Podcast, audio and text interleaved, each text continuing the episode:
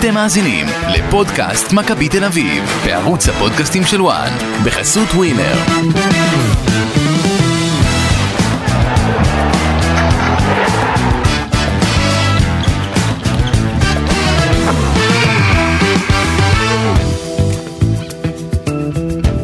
פודקאסט, פודקאסט מכבי תל אביב.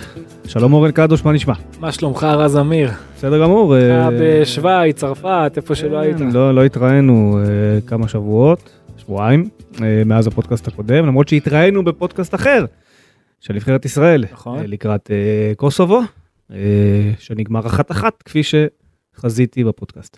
אה, כן, הייתי בשוויץ, יותר נכון הייתי בצרפת, הייתי בצרפת השוויצרית, או בשוויץ הצרפתית, לא יודע איך לקרוא לזה כל כך. אה, כן, הייתי עם הנבחרת אה, בז'נבה, ולמי שלא, למי שלא עקב אחרי הכתבות שלי במקרה, כי הנבחרת לא מעניינת אותו, ואני מכיר לא מעט כאלה, אגב.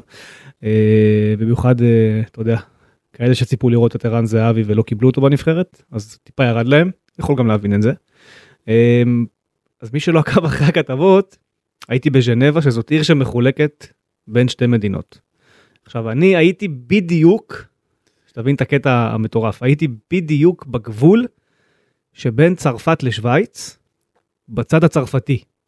זאת אומרת שאני מגיע לבית המלון ביום ראשון בצהריים, והוא גובה ממני כסף על החדר, אני מוציא לו מהכיס שטרות של פרנק שוויצרי, כי אמרו לי שבשוויץ לא יקבלו יורו בשום מקום. הוא אומר לי, לא, אני צריך יורו. אמרתי לו, מה יורו? אני בשוויץ. הוא אומר לי, לא, אתה בצרפת. אמרתי לו, אבל יש פה דגל שוויץ מעבר לכביש. הוא אומר לי, שם זה שוויץ, אנחנו בצרפת. עכשיו תחשבו, מי שמכיר, רמת גן גבעתיים, תחשבו שזה בעצם כמו לעבור את הכביש, יש קטע בין רמת גן לגבעתיים, שאתה עובר את הכביש ואתה פתאום בגבעתיים, כן. זה, זה בדיוק אותו זאת הסיפור. אומרת, אין בעיה לעשות פה שתי מדינות. שזה שתי מדינות, וזה, וזה עיר, אז אה, כן, זה מטורף לגמרי. אה, כן, היה, היה חוויה חריגה, אה, משונה. הייתי ליד עיר בצרפת שנקראת אנסי, שזה, יש שם, אתה יודע, ערים אה, מושלגים, וזה אגם כזה מאוד יפה, ו... אבל אתה יכול למצות אותה ביום אחד בעצם.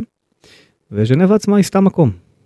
באמת סתם מקום, כאילו, אני חושב שאתה סתם כאילו, אתה יודע. אני בדרך כלל לא אוהב את הנסיעות אה, מטעם העבודה, מכבי תל אביב, נבחרת, מה שזה לא יהיה, זה באמת היה, כאילו זה היה ממש, פשוט סתם. באמת סתם, גם הנבחרת היא סתם. נהנית ואתה לא רוצה לספר, אני חושב. לא, נה- נהניתי בעיקר בכל סוף ערב, אתה יודע, שנגמרה העבודה, והיה את האפשרות ככה לשבת בשקט ועם עצמי ולהירגע ולשתות איזה משהו טוב ולאכול. מזה נהניתי, אבל מה- מהחוויה היומית, האוכל היה טוב? האוכל היה טוב. נו, באופן מפתיע האוכל היה טוב. היה לך שקט. אגיד לך גם למה האוכל טוב. מזג אוויר טוב. מזג אוויר סבבה. קריר אבל לא, לא גשום ולא רוח, אז אה, היה אפשר ללכת גם ברחוב בכיף. אני ראיתי שהמקום היה יפה.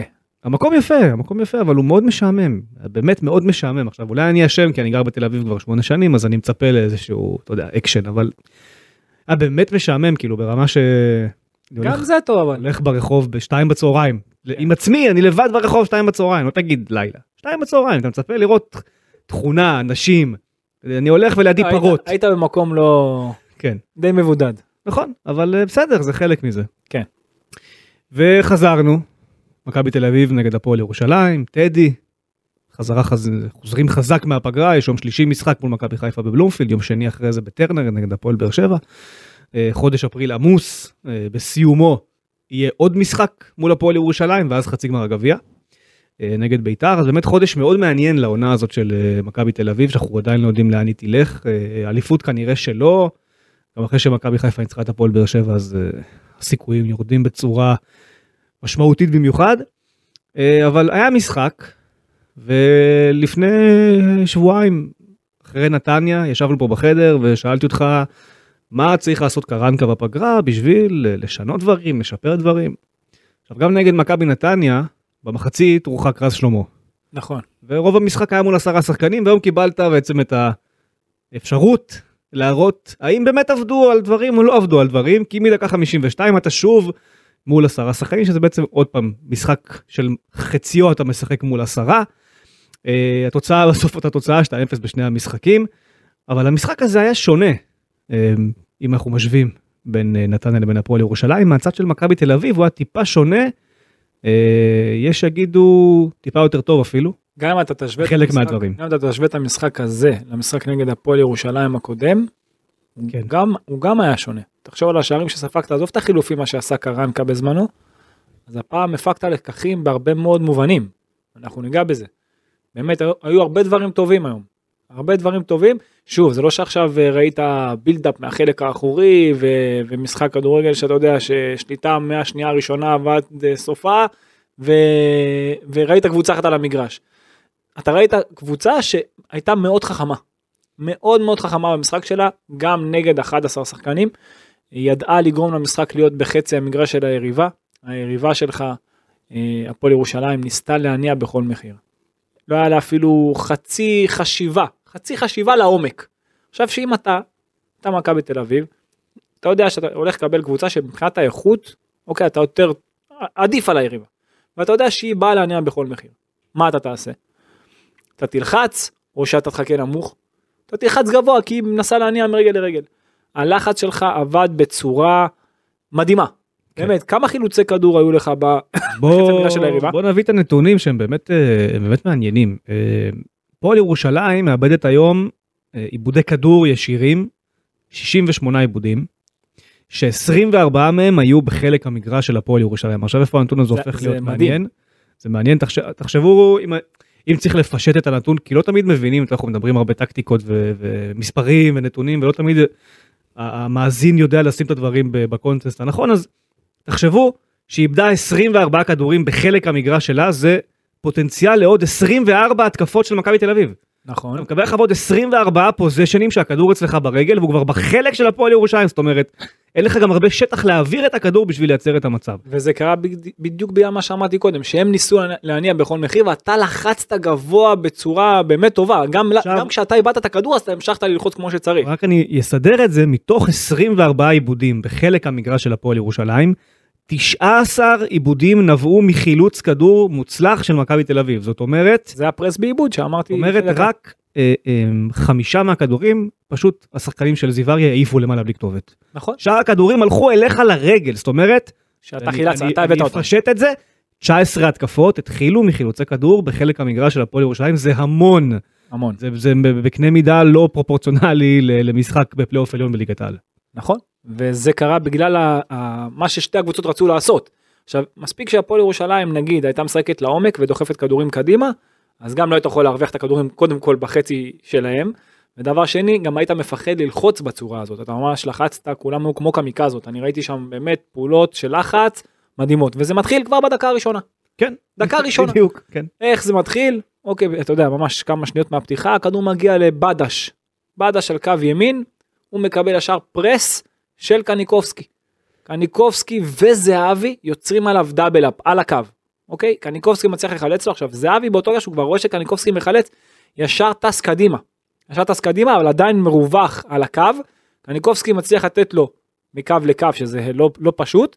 אוקיי, נותן לו לעומק, ואז הוא מתקדם, נותן... אה, הוא, הוא נותן לדן ביטון, נכון? כן. ואז משם זה, ואז משם זה מגיע ליובנוביץ', שהוא מרווח כמו שצריך. אבל דן ביטון לא נותן לו את זה כמו שצריך, הוא נותן לו את זה קצת אחורה מדי. נותן לו את זה טיפה אחורה, יובנוביץ' עוצר פעם אחת, עוד פעם אחת מעביר לשמאלית שלו, ואז יורה הפינה הקצרה, עד אליי מגיב לו כמו ש... לא, לא נכון, והכדור נכנס לו פנימה, אולי הפעולה... מה זה אולי? הפעולה הכי פחות טובה של אדלי במשחק, היה לו חוץ מזה משחק מצוין, אבל עדיין, שזה גול של שוער, גם, אתה יודע, יש לו, יש לו חלק בזה, אז הזרקור הולך אליו. אה, חוץ מזה, מכבי הייתה ב-4-4-2, אנחנו כבר יודעים, עם אה, גולסה ופרץ, שני קשרים באמצע, זהבי או יובנוביץ', כל פעם עשו את התנועות לקווים, או אחד מהם ירד מדרגה, אחד שמר על, על המקום שלו בשפיץ. אה, ראית לא מעט תוך כדי משחק שאו גולסה או פרץ גם יורדים לקו שלוש. בהתחלה בדקות הראשונות, ברבע שעה הראשונה זה פחות קרה. אחר כך ראית שאחד מהם כל פעם עזר ללוקאסן וסברית, כי ירושלים בלחץ שלה, היא שיחקה ב-4-4-2, הייתה 4-3-3 כביכול, אבל מצד שני, בת, ב, בזמן הגנה, היה את טוגי ואת ביטון שהיו ממש שני חלוצים, זאת אומרת מבחינת הלחץ, הם היו, השני- הם היו השניים בחלק הקדמי. מה שאני אני חייב להגיד פה משהו בנו- בנושא של ה... כן. שציינת שאוגו לאסה או דור פרץ יורדים ועושים קו שלושה. לפני, אני לא זוכר אם זה המשחק שאני ואתה שידרנו או שיחת כדורגל שאני ואתה קיימנו, שדיברת איתי לגבי על לרדת אה, ירידת הקשר האחורי לקו השלושה בלמים, שדיברנו על זה שהרבה יותר נכון שהקשר ירד או שמאלה או ימינה, כי אז אם הוא מאבד את הכדור, אז הבלמים לפחות בעמדה שלהם. לא, דווקא אני מעדיף שהוא יהיה בין שני הבלמים. כן, בין שניהם. כן, בין שניהם גולסה. גולסה הוא כזה שיותר- ימינה, הוא אבל. הלך יותר ימינה. דור פרץ בא ביניהם לא מעט. נכון. אז אה, שוב, זה שילוב שמייצרים, אני דווקא אוהב שהקשר יוצר, אה, נכנס ביניהם, ואז אתה יודע, יש את החיפוי של שניהם גם מהצדדים, אבל זה לא, זה לא משנה, זה שילוב כזה וכזה, באמת אבל שהם ראו את השניים שבאו, בהתחלה זה, בהתחלה זה לא קרה, אחרי רבע שעה זה קרה קצת יותר. עכשיו, מצד, אתה, דיברתי על מה שירושלים עשתה שהיא ניסתה להניע, אוקיי, בכוח, לא היה אפילו את החשיבה לעומק. מצידה של מכבי תל אביב, כשאתה הנעת, הם גם לחצו גבוה, אבל אתה, להבדיל מהם, חיפשת את העומק. לא ניסית להניע ולהראות אני יותר טוב ממכם בהנעת כדור. לא ניסית להניע ולהגיד אני אתן גול דרך בילדאפ מהחלק האחורי. היו לא מעט מצבים שפרץ השוער מקבל והוא שחרר אולי אין ספור כדורים והוא כאילו ביטל את כל הלחץ הגבוה של ירושלים. והיו לא מעט מצבים של ארבעה מול ארבעה וחמישה מול ארבעה ושלושה מול שלושה דרך הכדורים הארוכים של אה, פרץ השוער.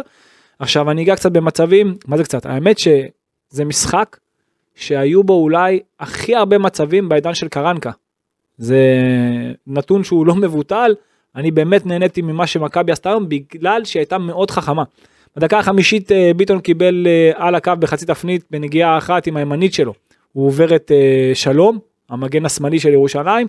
עכשיו, הוא כבר בנגיעה האחת שלו, תראה כמה שהוא, כמה שהוא מוכשר דן ביטון, שהוא על הקו, הוא קו ימין, עזוב שהוא 10 בת- במהות שלו, אבל שהוא, שלום יוצא אליו, הוא כבר חושב שהוא ילך הרי לשמאלית שלו. זה הטבעי. כמו שמצד שני בדש רגיל ללכת לשמאלית שלו. אז הוא עושה כאילו את התנועה הוא בא לשמאלית ואז הוא פותח את הגוף בחצי תפנית הולך לקו, לימנית. עובר אותו כאילו לא קיים ואז הוא חותך לאמצע ואז מנסה לבעוט, יוצא לו לפינה הקצרה, הפעם הדיליי כמו שצריך אה, קולט את זה נכון. בדקה השביעית סבורית מזהה את הלחץ הגבוה ומדלג, יוצר ארבעה מול ארבעה, לא יוצא מזה כלום, אבל ירושלים מסתכנת בלחץ הגבוה, וחשבתי שמהרגע הזה, אתה כבר תראה את ירושלים שהיא מבינה, אוקיי, נותנים על הארוכים, בוא נחכה נמוך ונצא למעברים, אבל לא, זה המשיך. כל המשחק, אפילו היו בעשרה שחקנים, ראית אותם לוחצים גבוה. כאילו הם לא מבינים את המשחק. אמ, בדקה השמינית, הגבהה הסתמית של ג'רלדש, היה את זה לא מעט במשחק הזה. אה, זהבי היה נעד מאוד, דיברתי על זה שהוא זז לקווים וירד מדרגה אחורה, גם סבורית, אה, גם אה, יובנוביץ' עשה את זה לאחר מכן במהלך המשחק. בדקה העשירית, בדש מקבל בקו את גבי. אוקיי, זו הפעולה שהייתה קצת פחות טובה של מכבי. מקבל בקו את גבי. עכשיו, מה היה טוב בסיטואציה הזאת? זה היה מצב של ירושלים שנפסל בגלל, בגלל נבדל, אבל אם היה מזה שער, כנראה שזה היה מתבטל הרמת הדגל של הקבל, כי לא היה שם אופסייד. עכשיו, מה היה שם? דוד זאדה היה אמור לקבל את אה, בדש, ואז גבי, שאני מאוד אהבתי את הפעולה הזאת, אני אוהב שהקו קישור מקבל את שחקני ההתקפה של היריבה. ואז גבי אומר לו טוס אחורה, אתה רואה אותו מסמן, הולך אחורה, אני מקבל אותו. עכשיו אתה מצפה שהוא יסגור לו את האמצע, לא ייתן לו את האמצע, אבל עדיין בדש מצליח לחתוך, להיכנס קצת לאמצע, הוא נתן שם לאשת, לאלטמן, לאלטמן, ואז הוא נותן עומק לטוגי. עכשיו, מה, מה הייתה הבעיה? שקניקובסקי מקבל את בדש, משום מה, אוקיי, אז כבר הוא הצליח לחתוך כביכול לאמצע, אין מה לפרץ להגיע לאזור הזה. פרץ, דור פרץ, יצא לכיוון של קניקובסקי גם, יצרו שניים על אחד שהוא היה פשוט בגב של קניקובסקי, זה היה מיותר, ואז זה גרם לאלטמן להיות ממש לבד. ואז הוא מצליח להחדיר את הכדור ביניהם, זה מגיע לטוגי שבחצי תפנית עוצר, מנסה לפינה הרחוקה, הכוון הרים דגל, אבל עדיין זה לא היה נפסל, זה היה מזל גדול למכבי תל אביב. בדקה העשירית, אה, שם התחיל אה, לרדת מדרגה פרץ, ירד אחורה, ואז פרץ השוער, כל פעם שהוא היה יורד, שהוא היה רואה קצת הלחץ, נתן את החצים קדימה. גם אם זה היה דרך המרכז. אה, ירושלים גם כשהיא היה לה את הדקות הטובות שלה לא ראית מר- אותה מרווחת מספיק וזה מה שעזר לך להתגונן נכון דרך הצפיפות אתה יודע אתה צופפת את המשחק מאחור הם גם כן ניסו להחדיר דרך האמצע כמו שאתה ניסית אבל אצלם הם כבר היו חייבים לחזור למשחק הרי אז פחות היה להם את הריווח ולכן זה נוצר נוצרו הרבה מעברים לטובתך. אה, פרץ וקניקובסקי היה להם לא מעט חילוצי כדור כבר מפתיחת המשחק זה היה באמת תענוג לראות את זה מה שהם עשו שם באמצע. דקות 15 עד 20 מכבי מחכה קצת, מחכה קצת יותר נמוך דקה 19 ביטון נותן לדוד זאדה שנותן לקניקובסקי שם היה ספק פנדל זה היה מצד לצד היה שם ספק פנדל אם קניקובסקי לא היה ישר קם איכשהו הוא קיבל את המכה אם הוא לא היה ישר קם כאילו לא קרה כלום אני לא בטוח שהשופט לא היה שורק. מסכים? היה היה יכול לעשות איזה... אם היה היה יכול להיות איזה איזו הצגה קלה. נכון לא הייתה הייתה שם אה, היה צריך למכור את זה. נכון, היה היה פשוט צריך להמשיך עם הנפילה, זה הכל. אה, זה היה מצב שהוא, ש- שיכול להיות פנדל לטובתך. דקה 25, אה, פרץ ירד שם סתם מהרגליים, מיותר, מצב מ-24 מטרים מול השער, בדש יכל לעשות מהמצב הזה הרבה יותר.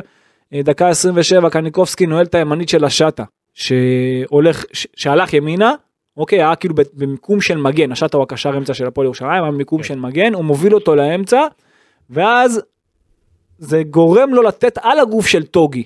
החלוץ הבורי שם מחלץ, משם, משם הוא נותן לפרץ, שמקדם את זה לזהבי, מוריד קיר לביטון, שיוצא בדריבל 4 מול 4. תקשיב, כל מעבר היה באמת חצי גול, אני לא מבין איך, איך זה התקדם עד הדקה ה-90 עם ה-1-0 הזה. אה, כדור גדול לזהבי שמנס, שמנסה, נוצרת שם ערבוביה שמגיעה ליובנוביץ', שמפציץ פנימה, והשופט שם שורק לנבדל, אה, מה זה שורק? בזכות אה, שופטי העבר, שם... יש לנו פה עוד אירוע כמו שבוע שעבר, לפני שבועיים, שאין בעצם זווית שמוכיחה ששחקן מכבי נוגע בכדור. אין זווית שמראה שערן זהבי נגע בכדור. זה השערה. אני חושב שכן הייתה שם נגיעה. אתה, אתה חושב, אבל... מה זה חושב? אני ראיתי שהוא לא נוגע. וזה... לא ראית נגיעה בחיים. אוקיי. לא ראית בחיים נגיעה כי אין אף זווית שמראה נגיעה. רואים את ערן לא, זה זהבי לא לה- זה לא יכול רואים להגיע... כדור קופץ, אתה לא רואה שערן זהבי לא. זה לא יכול להגיע לכיוון הזה בלי... ערן זהבי. לא נכון, היו שם עוד שחקנים, היה שם גם שחקן של ירושלים, אוקיי. שיכול להיות שהוא נגע בכדור. גם הוא רץ עם זהבי לעבר הכדור הזה. ולכן יש פה עניין ששוב, מתקבלת החלטה של הכוון על הדשא, הכוון לא סימן נבדל. זאת אומרת, הכוון לא ראה את זהבי נוגע בכדור. אוקיי? הכוון בטוח לא רע, אבל שופטי העבר כן ראו. אבל שופטי עבר גם- לא ראו כי אין להם זווית שמראה את זה. גם נגד סבורית ונתניה זה אותו המקרה שוב, זה אותו הדיון שוב. אתה לא יכול לפסול בלי זווית של 100% נגיעה, אין פה שום זווית שמראה שהוא נגע בכדור. אני חייב לראות את זה שוב, אני ראיתי תראה שכן. את זה עוד הייתה, 50 אני- פעם. אני אראה את זה. אין אני- זווית. אני אראה את זה אחר כך, אבל אני די. בטוח ש... אני דווקא כן הולך עם השופטים, אבל בסדר. אין זווית. אין זווית. אתה יכול אוקיי, ללכת גם עם אחרי שופטים זה אני אראה. ב- ב- בברצלונה, זה לא קשור, אין אין זווית. אה, בסדר. אין נגיעה. אני אין בעיה, אני איתך. כן. אה, מכבי לא אה, אחר כך מכבי לא מייצרת אה, את הנעת כדור תחת הלחץ היא באמת באה הכי חכמה שיכולה להיות ירושלים ממשיכה ללחוץ גבוה דיברתי על זה עוד קודם. אה, דקה 33 סבורית אה, מוצא את זהבי שיורד מדרגה אחת אחורה נותן לגולסה שמנסה מרחוק לחיבור לחיבור הקרוב. הקו 4 של ירושלים נכנס יותר מדי עמוק לרחבה שלו ואז נותן לך שטחים לבעיטה זה קרה לא מעט פעמים גם בשער השני שלך ואנחנו ניגע בזה אחר כך. דקה 35 עוד ניסיון של ביטון אחרי טקטוקים דרך האמצע ממש היה, היה שם משחק רז על חצי אחד. היה משחק על החצי של ירושלים עכשיו אנחנו נסתכל איפה היה המשחק כל הזמן אתה יודע יש את השטחים האדומים האלה שאנחנו רואים בליגה הספרדית כן, כן. אז כל המשחק היה בחצי של ירושלים כן. גם שהם היו עם 11. דקה 37 אאוט משמאל דוד זאדה נותן ליובנוביץ' מוריד קיר לגבי שנותן לביטון אף אחד לא יוצא אליו הוא פשוט עושה ריצה של 30 מטר בערך מגיע עד ה-20 מטר בועט לרחוק והחוצה. עכשיו אתה כמה מצבים כאלה היו היה את זה אני אגע בזה היו, היה כזה לאיליה והיה כזה ליובנוביץ' והיה כזה לזהבי ופה במקרה הזה זה היה לביטון היה לביטון את זה כמה פעמים במשחק. ראית שיש לו לא מעט זמן ולא מעט שטח לצאת קדימה ואף אחד לא לוחץ אה, מוביל כדור בפועל ירושלים. לך זה היה טוב. אה, וזה גם קרה בזכות הלחץ הגבוה שלהם כל השתחררות שלך זה היה קל.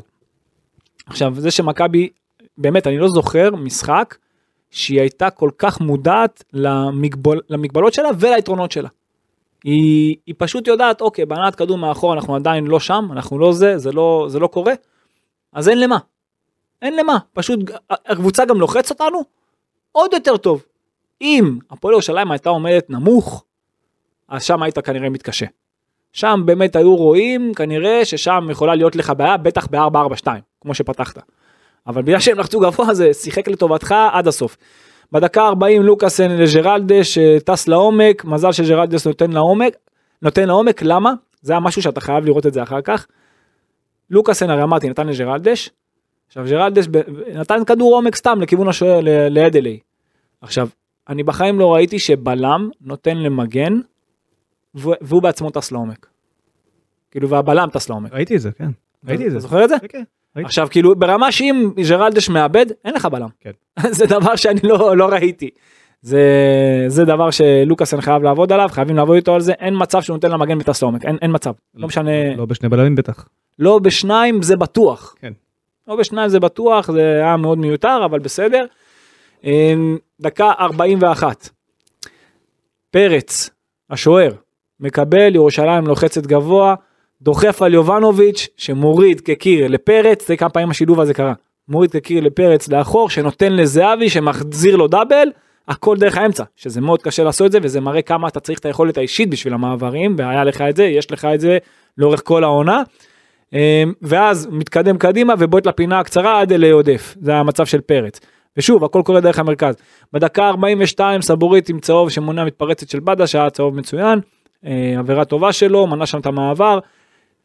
חצי שלך, פשוט, לא לוקחים סיכונים, עושים הכל כדי להגיע לחצי יריבה, ומשם משחקים מהר קדימה, לעשות את הגול. דקה 44, עוד ניסיון דרך המרכז ליובנוביץ', בכוח דרך האמצע, דקה, אה, חצי שני. רוי רביבו נכנס, הראל שלום יוצא. האמת לא הבנתי למה הוא לא פתח. זה שגם בשער הראשון, קח, אה, סקופ. נו. מז'נבה. אוקיי, נגמר המשחק, הנבחרת הצעירה הרי שיחקה בציריך, ואז באה לראות את הנבחרת הבוגרת, ואני יורד למטה לחדר אה, מסיבות עיתונאים, ששם בעצם כל שחקני הנבחרת הצעירה מחכים, אוקיי, אה, ורואים על המסך את אלון חזן אה, מדבר בטלוויזיה, ואני נכנס לחדר, ואחד, לא, לא, לא ראיתי מי שאל אותו, אבל אחד השחקנים שאל את רוי רביבו, נכון, סליחה, אמר, לו, אמר לרוי רביבו משהו כמו, אה, טוב, בשבת יהיה לכם יותר נוח, כי דור פרץ בטח לא ישחק. כי הוא עשה אה, שני המשחקים, קוסובו וזה. הנה שיחק. אז רוי רביבו אומר לו, בסדר, מה זה משנה, אני בטח לא אפתח, כי עשיתי 90 ו-90 בצעירה, אז אה, זיו לא יפתח איתי. כאילו, הוא- ידע מראש שבגלל שהוא שיחק שני משחקים בפגרה, בצעירה, הוא לא יפתח איתו ביום אה, שבת, וכך היה, אוקיי, כך היה, כן. אז פרץ בסוף כן שיחק, דור פרץ שיחק את כל המשחק, 97 דקות אה, ליתר דיוק, אחרי שני משחקים בפגרה הבינלאומית, ודור פרץ היה גם היום טוב מאוד, אחרי זה נעבור על הנתונים שלו פעם נוספת. אה, ורועי רביבו לא שיחק, ובמקומו פתח מגן לא טוב, פחות. טוב ממנו, זה בט- בטוח. שאפשר להגיד שהוא גם אשם אה, בלא מעט מהאירועים לטובת מכבי תל אביב. נכון, ובשער. הראשון הוא צמצם יותר מדי וגם לקח לו זמן להיצמד ליובנוביץ'. עכשיו אני רק רוצה להגיד, אתה יודע, היו לא מעט אה, שבשבועות האחרונים טענו שזיו אריה צריך לאמן את מכבי תל אביב. כולל פרשנים בכירים בכדורגל הישראלי, אוקיי? שטענו שזה מה שצריך לקרות. ואפילו אמרו איך זה הגיוני, מכבי כבר גידלה אותו, למה היא לא זה... עכשיו תחשבו מה היה קורה אם זיו אריה חוזר מפגרה בינלאומית ולא שם היום את דור פרץ בהרכב ומפסיד את המשחק בגלל הדבר הזה, מה הייתם אומרים? אתה יכול להמשיך. טוב, בסדר. אמ, קרן התקפה, אין מאמן ישראלי שיכול לאמן את מכבי תל אביב, לא היום, זו הנקודה שלי. ולא היום ולא ולא נראה. לי שזה האיש. נכון. אבל אוקיי, קרן התקפה עומדים, אה, מכבי תל אביב עומדת קצת גבוה מדי, אוקיי? עכשיו, אה, זה, היו לא מעט מצבים בקרנות, עד קרן אחת שאני אגע בה שהגיע לערן זהבי שהיה ברחוק, אתה, אתה חייב להבין כדי הרי להיכנס פנימה לשטח, כדי לייצר שער, אוקיי, אתה לא יכול לעמוד 2-3 מטרים מקו השער, ואז שהרמה הבאה קצת יותר אחורה, ואז לייצר את התנופה ונגיחה, זה לא עובד, אתה חייב לבוא מהרחוק פנימה, באיזושהי צורה. וזה דבר שפחות עובד ומכבי צריכה לשפר את זה. היו המון כדורים ארוכים בלי כתובת ובלי תכלית, תכלית בחצי השני, אה, שזה קרה, אתה יודע, בכוונה. כאילו מכבי ניסתה להעביר את המשחק, את כובד המשחק לחצי המגרש של ירושלים, אבל זה קרה קצת יותר מדי בהתחלה של החצי השני, כאילו ברמה של גם לא היה להם בעיה בכלל לאבד ובלי הסוויץ' בעיבוד, ממש בדקות הראשונות. דקה 50 מכבי מחכה בשליש המרכזי, היא כבר לא רוצה ללחוץ גבוה, היא רוצה לתת לירושלים כן להשתלט על המשחק ואז לייצר מעברים. ואז קורה מה שקורה בדקה ה-52. כן. כאילו כל המשחק, כמה דקות הראשונות של החצי שלא פתחת כמו שצריך, הכל משתנה עם הפעולה הזאת שגלאזר מכשיל שם בתיקול חריף את ביטון, בהתחלה קיבל צהוב, זה ישר היה נראה שזה אדום, קיבל אדום בעזרת עבר, כן. יש ספק, לא, אין ספק. רגל גבוהה זה, זה אדום שאין פה בכלל אה, ויכוח, ומאותו רגע, אין ספק ועדיין מדאיגה היכולת של פוקסמן לא לראות אירוע כזה. כן זה באמת היה מוזר, אני מהרגע הראשון זה היה כאילו הכי צפוי שיכול להיות, אבל אני לא ראיתי בשידור ישיר את המשחק, שידרתי סביליה באותו זמן, אה, התכתבתי עם אה, יונתן נמרודי, מהפודקאסט הנפלא ציון 3, אוקיי, הוא כותב לי ישר זה אדום, איך זה, איך זה יכול להיות, זה אדום, זה אדום, וכאילו אני לא ראיתי את המשחק אז הוא תיאר לי מה שקרה, הוא אמר אין סיכוי שעבר לא הופך לו את זה. אכן עבר הפך, אבל כל אדם בבית שראה את המשחק, לא, זה השער, אין פה ספק. אדום, כאילו באותו רגע, גם אני אחרי זה בשידור חוזר, אמרתי, כשראיתי את זה בשידור חוזר, אמרתי איך זה, איך זה יכול להיות שהוא לא ראה פה ישר, אבל בסדר. כן, זה לא היה פה ספק. עכשיו מאותו רגע ירושלים בהתחלה עברה ל-4-4-1, אחר כך היה לה שלב דרך חילופים שהיא עברה ל-4-3-2 והיה מצב של 5-3-1 היה לה כל מיני שילובים כאלה שהם ניסו לעשות דרך החילופים שלהם. שלוש שלוש שלוש. כן, משהו כזה. דקה 59, אה, היה ספק יד ברחבה לדוד זאדה. נכון. מה דעתך על זה? לא ראיתי את זה וזה אני לא... חושב שהייתה שם נגיעה, יש שופטים שהיו שורקים, אני לא אוהב, יש- זה לא פנדל שאני... יש חושב שופטי שצריך. ור שהיו קוראים לשופט ואז איך תדע מה הוא מחליט, יש לא, יש לא, מצבים לא. כאלה, לא- הפרוסה, זה קצת נגע, אבל לא, לא, לא יודע. ודאי ולא פנדל בעיניי, אבל בסדר. דקה 63 התקפה ארוכה מצד לצד היה כיף לראות את זה כבר מהרגע שכבר בירושלים הייתה- בעשרה שחקנים. מכבי כבר הייתה אחרת לגמרי באמת אחרת ראית אותה מניעה מצד לצד בסבלנות לא היה להם שזה לא קרה נגד נתניה. נכון. בדיוק. זה לא קרה נגד זה נתניה. לא קרה ראית התקפות יותר ארוכות היה לך באמת כיף אולי חוץ מהדקות ממש האחרונות שבאמת ראית את מכבי תל אביב משחקת בסבלנות יודעת שעכשיו היתרון יצא כי, כי היא גם ידעה שהיא לא תיקח סיכונים. דיברתי על מה שקרה במשחק גם נגד לא הפועל נתנה להם ירושלים לעבור את החצי בכלל. נכון זאת אומרת זה היה, כאילו המשחק היה במין cruise control כזה. נכון כי עוד פעם כי, כי אתה לא לקחת את הסיכונים סתם דוגמה אוקיי הנעת כדור ראית שאתה לא מצליח פס אחורה הגיע לפרץ השוער. הוא מזהה את הלחץ בום קדימה. נכון. אין סיכונים בכלל. עכשיו עוד פעם, לא שאני אוהב את זה או אתה אוהב את זה, אבל הם מבינים שאין להם מה לקחת את הסיכון שהם לקחו במשחק הקודם, בלומפילד, ברור. ששם איבדת את הכדור הזה בחלק האחורי וקיבלת את השער. פעמיים. בדיוק. כן. אז אין, אין מה לעשות, אין, אין מה לעשות משהו שאתה יודע שאתה לא טוב בו. אז לדעת, המודעות העצמית הזאת זה דבר שהוא חשוב. אה, דקה 64, ביטון מרים לרחוק, זה הקרן, זאת הקרן שדיברתי עליה, זהבי היה שם, היה חייב לסיים עם שער, אדלי לוקח. פה מהדקה ה-64 ואילך, באמת מופע של אדלי. היה שם מופע. לקח שם כמה כדורים, היה לו גם מיקום טוב, ואני באופן אישי, אני חייב לומר, גילוי נאות, אני לא, לא מחזיק מהשוער לא הזה. מחזיק ממנו. בכלל. אני גם... הוא שוער מבחינתי הוא קצר מדי אוקיי צר- ג- אגב, גם בחצי הראשון מעבר לגול של יובנוביץ' הייתה את הבעיטה של גולסה שהוא עוצר, שזה לא היה רחוק מזה שהוא גם, שזה הופך לגול ואוי ואבוי אם זה נכנס כן, לו. אבל כל הבעיטות האלה גם של גולסה וגם של פרץ חוץ משל דן ביטון שהלכה החוצה כן. כל הבעיטות היו לפינה הקצרה. נכון. עזוב שגם הגול היה לפינה הקצרה וזה גול עליו. ציפיתי לראות גם את גולסה גם וגם את בועטים לרחוק. גם הגולסה הזה כמעט נכנס. נכון הוא עצר את זה עם- מזרת, לא יודע איך הוא עשה את זה אפילו. נכון. אבל אבל הוא היה- שהיא כאילו אבל- הוא היה חייב לקחת והוא לקח אז פה אי אפשר לבוא אליו בטענות. נכון. אה, דקה לא, אבל 69. מול- מול זהבי הוא לוקח לו ארבעה כדורים של גול. נכון, זהבי. אנחנו ניגע, ניגע בזה. אה, דקה 66, הנעת כדור מצד לצד עד שפרץ מוצא את זהבי שבחצי תפנית מוכשל, 18 מטר מהשער, משם דן ביטון נעצר על ידי גולסה, נכון? אה, זה המצב כאילו ש, שאני הייתי בטוח שאתה תראה שם את השני, הוא גם ניסה לבעוט על הפינה של אדלי. היה חכם אבל אה, גולסה שם עצר את זה. דקה 69, סבורית. נותן לזהבי שעוצר בחצי אפילו ומ-20 מטר בועט מעל השער. דקה 71 יאו מאבד לאיליה שנכנס מחליף, שהולך עד הסוף ובועט לידיים של אדלי. היה שם כל מיני אתה יודע מעברים שהיו קלים דקה 73 תקרה מצבים. ג'רלדש אה, מגיע גבוה ביחד עם גבי שנותן לו שהם יצרו שם שניים על אחד בקו ימין נותן לגבי עכשיו גבי פה ציפיתי שדווקא עכשיו תהיה קר רוח יותר ותעשה תעשה את העוד פעולה מנסה בכוח להכניס לאמצע בלי כתובת אמיתית. אה, ואז נוצר מצב שיצא יובנוביץ' ונכנס פנימה איליה, דיברתי על איליה, אז אה, כבר עברת, ה-60. כבר עברת בדיוק, כבר עברת שם ארבע, ל-4, 2, שתיים, 3, 1. סורי שאני קצת, מה זה, כן. לא מבולבל, אני פשוט, עכשיו סיימנו, עכשיו סיימתי לראות את המשחק אחרי שני שידורים, אז מי ששומע אותי אומר בואנה משהו קצת מוזר, ז- זאת הסיטואציה שאני ישר כתבתי ונכנסתי פה לחדר, אז זה המצב. עכשיו, כשעברת ל-4, 2, 3, 1, נוצר לך פתאום שלישיית אמצע, אוקיי? היית שם נגד שניים במקרה הטוב באמצע, הנעת בקלות, זה ביטון נכ- בעצם דור פרץ, ביטון- ביטון נכנס לאמצע. ודן ביטון, בדיוק, ביטון נכנס לאמצע. כעשר, קניקובסקי הלך ימינה, אני פחות אוהב אותו ככנף, אבל כל המשחק הוא היה כזה, והוא היה לא רע בכלל. אבל uh, באמת, שזה שביטון אחר כך נכנס לאמצע, אתה ראית שם פעולות וטקטוקים, והיה לך באמת כיף לראות את הקבוצה הזאת. היה לך אמצע. היה לך אמצע, והיה לך קווים, והיה לך חלוץ אחד, לא שניים שדורכים אחד על השני, היה לך שני מגנים שריווחו את המשחק ויצאו קדימה, היו לך הרבה דברים טובים. הגיע לרגע הזה עוד. אני. באמת חושב שאת הדקות הללו, קרנקה צריך לקחת. צריך לקחת קח את. הדקות האלה, שים את פרפה במקום גבי. זה לא נראה ממש טוב? זה לא יכול לראות ממש טוב? למה במקום גבי, במקום איליה?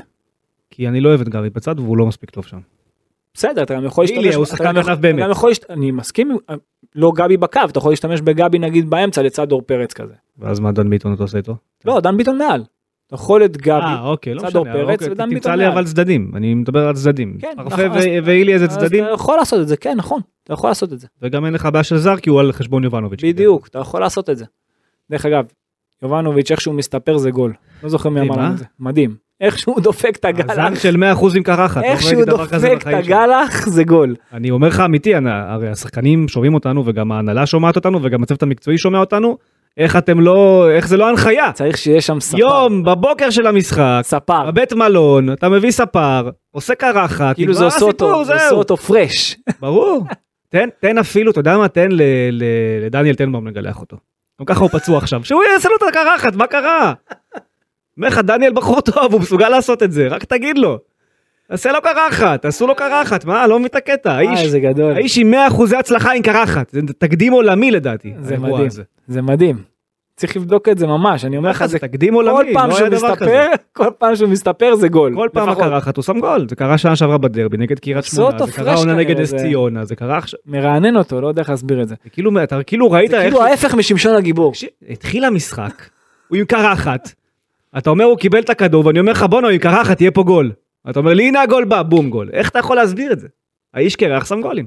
כן, זה נכון. יאללה. אמ, איפה היינו? דקה 75. הנעת כדור טובה בסבלנית, מצד לצד מגיעה לאילי, אמרתי שעושה אה, דאבל עם גבי, שמנסה לאשר לזהבי, אדל יוצא. הוא מהמר יוצא, לוקח את זה יפה, אם הפס היה מגיע לזהבי זה 2-0, דקה 75, אותה דקה. עוד התקפה סבלנית, ממש מצד לצד, מימין, שמאלה למרכז, גבי מוצא את פרץ, ואז לביטון, ביטון נותן את ההקשתה הקלה הזאת, הוא נתן, נתן שם הקשתה מהחלומות, באמת זאת נגיעה כל כך חכה שקו ההגנה עמד נמוך, לא עושים את זה, זה הולך נגדך בדרך כלל, אתה יודע, אני בעצמי פה אומר לא מעט פעמים, לא נותנים את האלכסונים האלה פנימה, לא מכניסים לעומק שההגנה עומדת נמוך, אבל כדור כזה מדוד לזהבי, חמישה מטרים מהשער, מדביק את זה ישר לגוף של הדיליי. אז אה, זה עוד פעם, היה מזל גדול בשבילם, זהבי גם יכל לעצור את הכדור לתת פס לפינה, כאילו קל, אם הוא היה רוצה, זה משחק שמה נגמר עם שלושה לזהבי, לא היינו מתפלאים כאילו. ממש. לא היינו ממש. מתפלאים, זה מצבי 100%. קיבלת פה באמת יריבה שהיא עשתה הכל שילך לך כמו שצריך. תחשוב שאתה באת בלחץ גבוה, הם מנסים להניע. במקום לדלג. תחשוב שאתה מנסה לדלג, הם לוחצים גבוה. אבל זה קרה ככה נגד נתניה, אתה מבין? זה גם נגד הפועל ירושלים במשחק הקודם, זה מה שהיה. פשוט זה אתה- מה שהיה אתה פישלת. עד, עד ש. כן. הפרס בעיבוד היה מדהים היום לאורך כל המשחק, זה באמת היה תענוג לראות את זה, אפשר היה לראות שגם, שגם עבדו על זה. אתה ראית שבאמת כל אחד ידע איך ללחוץ ולהוביל אותם לקו, והפרס היה אמיתי, להביא את הכדור לא כאילו, היה באמת תענוג לראות את זה. אגב, יש משמעות לזה שרוב השחקנים ששיחקו היום על הדשא לא היו בנבחרות, וזה כנראה תוצאה של זה. ג'רלדש, לוקאסן, סבורית, אופיר דוד זאדה, אייל גולסה, דן ביטון, ערן זהבי, ג'ורג'ה יובנוביץ'. גם תשעה- קניקובסקי לא שיחק. אבל, לא, אבל הם היו בקריית שלום עם קרנקה, תשעה מתוך האחד עשר היו בקריית שלום לאורך העשרה ימים האחרונים ועבדו עם קרנקה על מה שהם עבדו. כן, אז אה, אפשר היה לראות שמכבי היה- הייתה יותר תכליתית.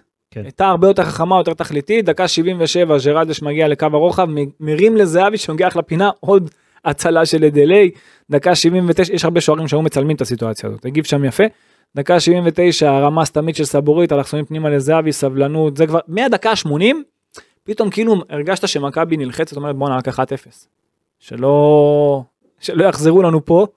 ואז פתאום ראית אותם מנסים בכוח להחדיר את הכדורים פנימה, למרות שהיה לך דקות ממש טובות, היה לך איזה 20 דקות מצוינות, וזה קרה דווקא אחרי שריקן נכנס.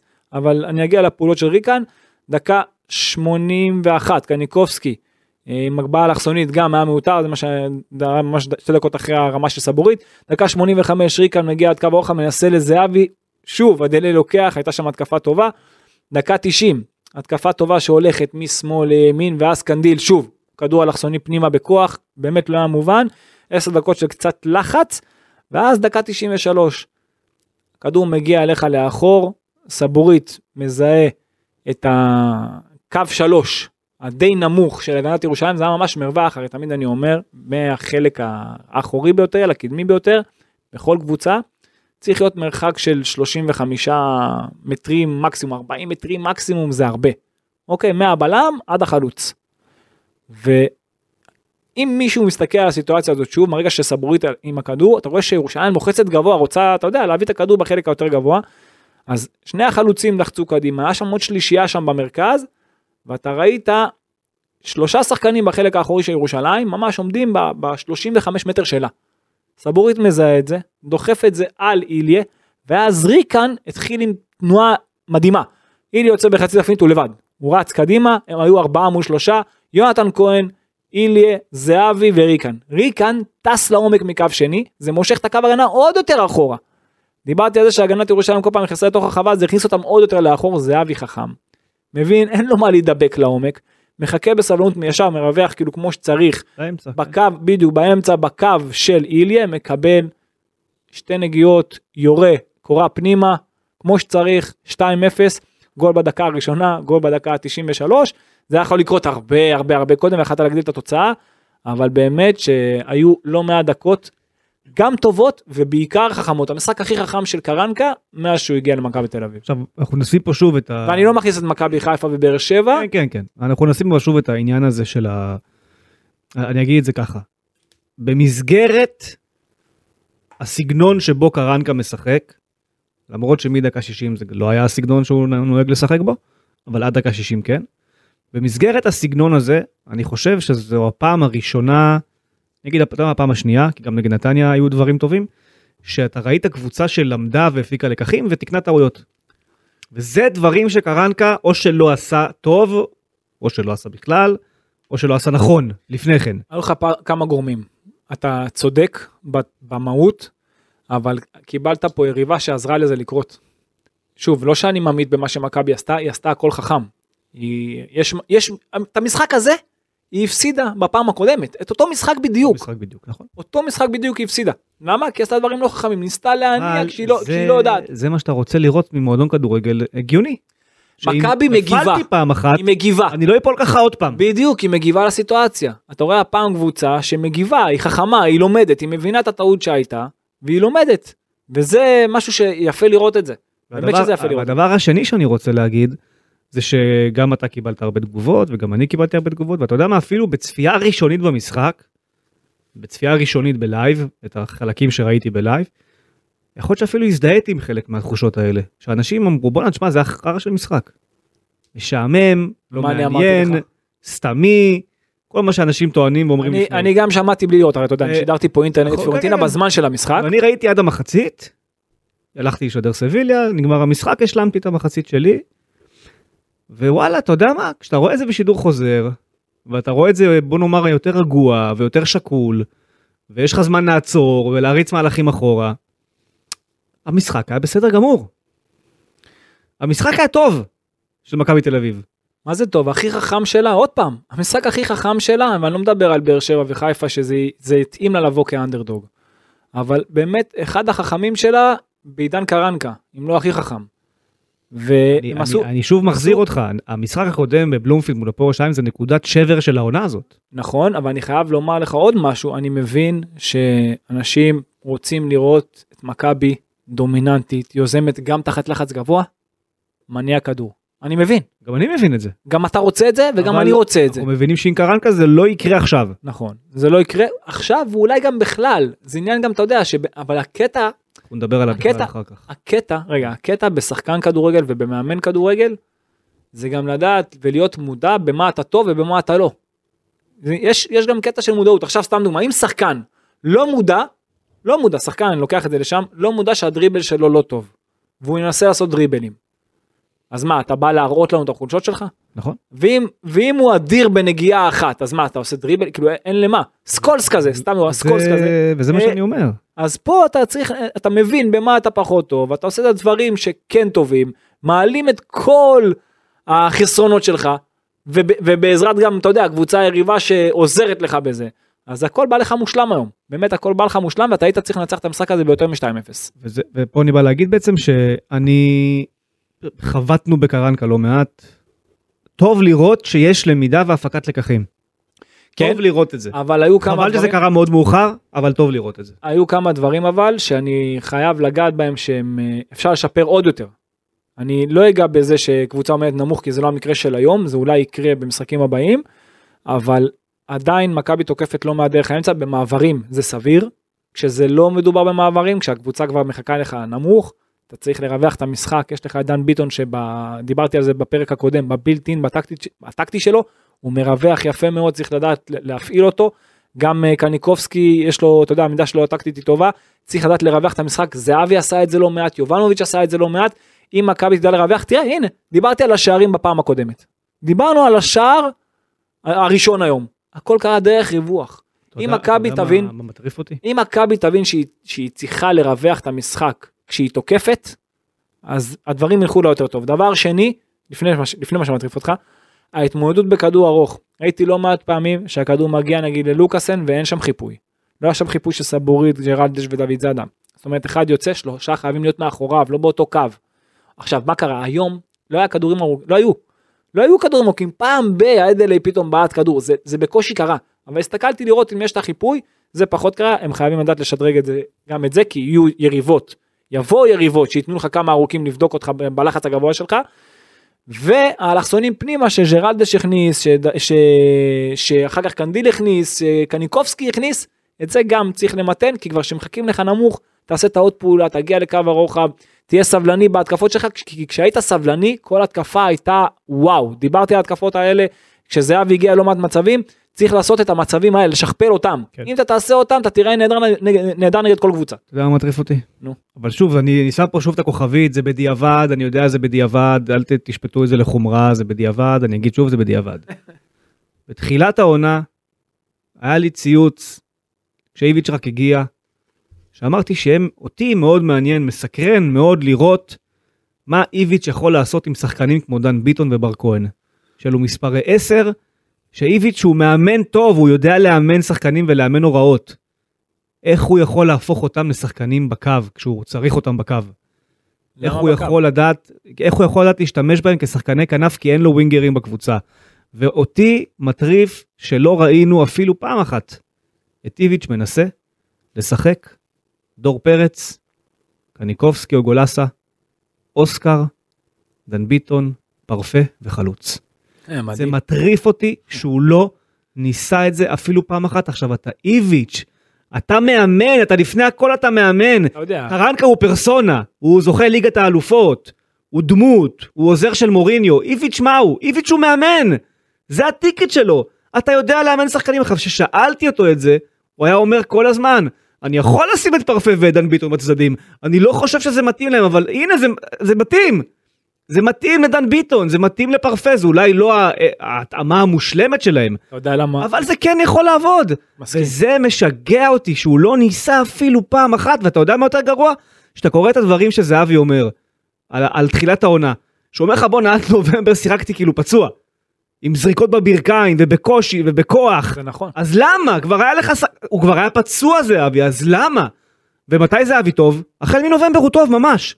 בהחלט. היית יכול לתת לו גם לחזור להיכנס לדברים בצורה נוחה. היה עולה מחליף במקום יובנוביץ' דקה 60-70 אבל הוא כל משחק. הוא בעצמו רצה לשחק. הוא, רצה מאוד. הוא רצה, כי הקבוצה הייתה במצב שבו המאמן מחליט שאין, הוא עם שני חלוצים, לא משנה מה. אז ברור שהוא תשחק, גם הלך לך פריצה. לא היה לך את האלטרנטיבה לערן זהבי, בתוך המערך הזה. אז כאילו כבר, כבר הסתדרו לך הדברים, הלך פריצה. ויש לך פגרות בינלאומיות, ועוד פגרה, ועוד פגרה. אתה מקבל צ'אנסים כן לעבוד על זה, וכן לסדר את הדברים, וכן לעשות משהו. איך, איך הוא לא גם- ניסה אפילו פעם אחת? תחשוב ש... נגד איזה קבוצה עלובה כזאת, כמו, כמו לא יודע מה, כמו הפועל ירושלים, כמו איזה קריית שמונה, כמו איזה סתם, כמו איזה מועדון שהוא סתמי, בבלומפילד, נס ציונה. איך לא ניסית פעם אחת? זה, מש... זה מטריף אותי. כי זה, כי זה כבר פה. ואתה אומר, בוא נקח את איך שהם משחקים עכשיו. אתה יודע, אם, אם, עזוב שכבר אוסקר לא פה, אבל בדיעבד, קח את, את, ה- את האפשרות הזאת, כמו שנגמר היום המשחק, 4, 2, 3, 1, קח את האפשרות הזאת. עם אוסקר ודן ביטון ופרפה ודור פרץ ולידו עוד קשר, לא משנה אפילו מי זה יהיה. ויונתן כהן אופציה בקו. איזה כישרון יש לך העונה. בקבוצה, איזה, איזה כישרון ישראלי יש לך בקבוצה. זה קלף ש, שמפרק ליגות. ואת הליגה הזאת בכלל, הקלף, הקלף המקומי. העונה הזאת. הקלף המקומי תמיד, זה, זה מה ש... בעונה הספציפית כן, הזאת. זה מה שמנצח ליגות כאלה, כמו הליגה הישראלית. איך הוא לא ניסה את זה אפילו פעם אחת, זה מטורף. אני אגיד לך. למה. זה מטורף בעיניי. אני אגיד לך למה, ש- שתי סיבות. סיבה אחת, הוא רצה, ואני יכול להבין, שחקנים שהם, אה, שחקני התקפה שהם יותר של עומק, אבל גם ככה אין לו. אבל לא היה לו. גם ככה, לא, גם עכשיו אין עומק. אבל בדיוק, אין לך. גם עכשיו אין לך. אז תעשה טוב רגע, עם החומר אני הקיים. מסכים, אז גם אם זה לרגל, אז עדיף שהם יהיו כוכבים לרגל. אוקיי? עוד, עוד כוכב לרגל, אחד כמו דן ביטון ופרפה וזה, זה, זה משהו. והיית נהנה לראות את זה. אבל, ומצד שני, מרוב שהיה נעול על שני חלוצים, אז דיברנו על זה, לא הייתה לו אופציה אחרת. אם אתה נעול על שני חלוצים, רגע, שנייה, אם אתה נעול על שני חלוצים, כמאמן אתה צריך למצוא את האפשרות לא להיות נעול. אם אתה נעול, אני לא אומר שזה נכון, אם הוא היה והוא היה נעול על שני החלוצים, כדי להניע כדור זה ישר יוצר שלישיית קישור, אז אתה חייב לשחק 5-3-2. אני אגיד את זה ככה, איביץ' המאמן, ואתה רוצה שהכנפיים יתמכו כל התקפה, אוקיי, אין אתה בעיה. חייב לעבור לזה. איביץ' המאמן, איביץ' המאמן שיודע לאמן דברים, אם הוא היה מכין את הפלן בי הזה שהרגע דיברנו עליו, למשחקים העונה שהוא נתקע בהם, אני אומר לך שהוא מנצח את כל המשחקים התקועים האלה. איך אני איתך? אני, את אשדוד, אני את לא, נס ציונה אני, ואת קריית שמונה, ואגיד לך יותר מזה, הוא גם לא הולך בדצמבר. הוא היה מקבל קבוצה שנמצאת מקום ראשון בליגה, הוא לא היה הולך במקום ראשון בליגה, נכון? אני? אני- ובאמת, אני, אני לא רוצה. להגיד לך שאני מסכים, אבל אי כאילו אי אפשר לדעת, שוב, אני אומר כוכביות, בדיעבד, בדיעבד, זה, זה פריקת אה, דברים ישנים. איביץ' מאמן ענק, הוא שבע דרגות מעל קרנקה, הוא כנראה המאמן הכי טוב שהיה למכבי אה, בשנים האחרונות, אולי אפילו אי פעם. הוא מאמן אדיר. הוא מאמן אדיר, אני חולה עליו כמאמן, אחלה מאמן, באמת, אין מאמנים כאלה. ומי אנחנו שנבקר את איביץ', ועדיין האירוע הזה שהוא לא ניסה אפילו פעם אחת, לא, לא, לא יכול לשחרר את זה. לא יכול לשחרר את זה, בטח היום כשאתה רואה את דן ביטון, אתה אומר בואנה כאילו מה, איך? איך? דן ביטון, תחשוב, דן ביטון, אוסקר, אני קניקובסקי, פרפה, אני חייב לומר ודור לך, פרץ באותו הרכב, אתה יודע מה, זה אמור לפרק פה את הליגה בהליכה. ואני חייב לומר לך שגם אותי באופן אישי, דן ביטון מפתיע, אני יודע הרי שהוא 10 ושהוא באמת שחקן מצוין עם כישרון, עם חשיבה לעומק, בדיוק, ו- הוא, עם ונייחים, קרנקה הוא מצליח להפתיע, וש- עם קרנקה. ושאני אני מה אז שהכי עם. אני מה שהכי מפתיע אותי, הרי תמיד אני אומר שחקן כדורגל לא נמדד בפעולות שלו כשהכדור אצלו ברגל, למה? כשהכדור מגיע אליך, תמיד אתה נכון. תעשה את הפעולה הכי טובה שיכולה להיות, גם כשהכדור מגיע הוא לשחקן נגיע לזה שמולך, תכף, הוא גם היום. כשהשחקן שמגיע מולך, שלושה חילוצים. רגע, משלושה שהשחקן, ש... משלושה. שהשחקן שמגיע מולך, שאתה עכשיו שחקן ההגנה, אתה תעשה את הפעולה הכי טובה שלך. נכון. אבל שהמשחק לא באזור, שם אתה מבחינתי נמדד. אוקיי, ככה זאת הזווית שלי לכדורגל, שהשחק- שהמשחק רחוק ממך. ושאני רואה אותו מבחינה טקטית, עומד נכון, וכל פעם נמצא במשבצת הנכונה, ובקו ארבע הגנה או בצד ימין, והוא עושה הדברים נכון, תשמע, אני אומר לך, אני... אני... זה משפטים שאנחנו אומרים על דן ביטון, כן? בדיוק, והוא, על אני אומר דן לך שגם ביטון. אותי, אותי, זה בדיוק הפוך ממה שאתה אמור להגיד על דן ביטון. זהו, אז אותי, בדבר הזה הוא הכי מפתיע, וזה מדהים לראות את זה. זה רק מראה שזה היה שם, רק היה צריך להוציא את זה היה, החוצה. היה חד זה משמעית, מטורף בעיניי שקרנקה הוא זה שמוציא את זה החוצה. וצריך להגיד קודם כל, כל הכבוד לקרקע שהוא מוציא, גם אם זה קצת מאוחר, אבל אתה מרוויח אותו big time כן. לעונה הבאה, big time, גם אם זה כעשר, גם אם זה שחקן. בקו, באמת, אתה מרוויח אותו big time. קשה היה לשלב אותו ביחד עם אוסקר, אני יודע שרצית, וגם עכשיו שאתה רואה זה, אומר איך לא, שהוא יהיה בצד ימין, שאוסקר יהיה באמצע, אני אתן לך את הדוגמה. אני לא, חד משמעית, אני לא, איתך, אני מסכים אני איתך. אתן לך את הדוגמה. מכבי חיפה היום פתחה נגד הפועל באר שבע איך? נכון. אבו פאני, שרי, דיה נכון. סבא, אצילי, חזיזה. זה מה עבד או אני- לא עבד? מה אני תמיד אומר? זה עבד או לא עבד? מה אני תמיד אומר? שים את ה-11 נראו לא הכי טוב, טובים. שים את ה-11 הכי טובים, נו. הוא כן. ב-11? הוא הוא ב-11 הכי טובים שלך בקבוצה? שים אותו בהרכב, נכון. תמצא אותו מקום. זה מה שצריך להיות. אגב, הם לא נראו טוב נגד באר שבע. אבל נגד אשדוד זה ניצח להם את המשחק, הטירוף הזה. לא, את זה לא את זה כבר לא הספקתי לראות, לא, הם לא היו טובים. אני ראיתי את הזה, הם לא- הם לא- הם לא היו נראים טוב, אבל... אה, אבל ניצחו. אבל ניצחו. כן, בדיוק, ניצחו. היה להם- לפעמים- זה לא פחות חשוב, למרות שאני תמיד אבל בעד נגד שיראו אותו. אשדוד, כשהם שיחקו בדיוק ככה, זה כבר היה, זה מטורף לגמרי. הם פשוט פירקו את הדשא. כי היה לך כמות כישרון לא נורמלית על הדשא. ולמכבי יש את הכישרון יש הזה. את הכישרון הזה. וזה מרגיז. כי זה גם כישרון ישראלי, זה הרבה יותר מרגיז שזה ישראלי. אני תמיד בעד הכדורגלן. כן. תמיד בעד השחקן שבאמת יכול לעשות לך את ההבדל נגד כל הטקטיקה. הרי בוא עכשיו סתם דוגמה. אתה מאמן מצוין נגד מאמן מצוין. Uh, יש לך איכות, להם יש איכות. בסוף, בסופו של דבר, אם השחקנים הם יודעים לעשות את הדברים נכון והם עושים את ההבדל עם היכולת האישית שלהם, אז זה, זה שובר את כל הטקטיקות. ואם יש לך שחקנים כאלה שיכולים לעשות את זה, בדיוק, נגד זה כבר מעבר לכל חוכמה. לך על ה-16. זה מעבר לכל חוכמה של מאמן. צריך את החכמים, כמה שיותר חוכמה, כמה שיותר פרה, כמה שיותר... וזה מרגיז, כי הנה, דן ביטון, מוצ... אתה מוציא מדן ביטון דברים טקטיים, אתה רוצה שיבוא איתך על המספרים של דן ביטון? טקטים, ומה עם הנחים? מה עם הקרן שהוא מרים שם אתה רוצה שיבוא איתך לזהבי? על המספרים של דן ביטון היום? 50 מתוך 58 מסירות מדויקות, זה 86% לקשר התקפי, זה גבוה. המון. זה נתון של בלם, בלם עושה 86%, לא קשר. בלם זה קצת נמוך, אבל אה, קשר התקפי זה... הרבה. זה הרבה.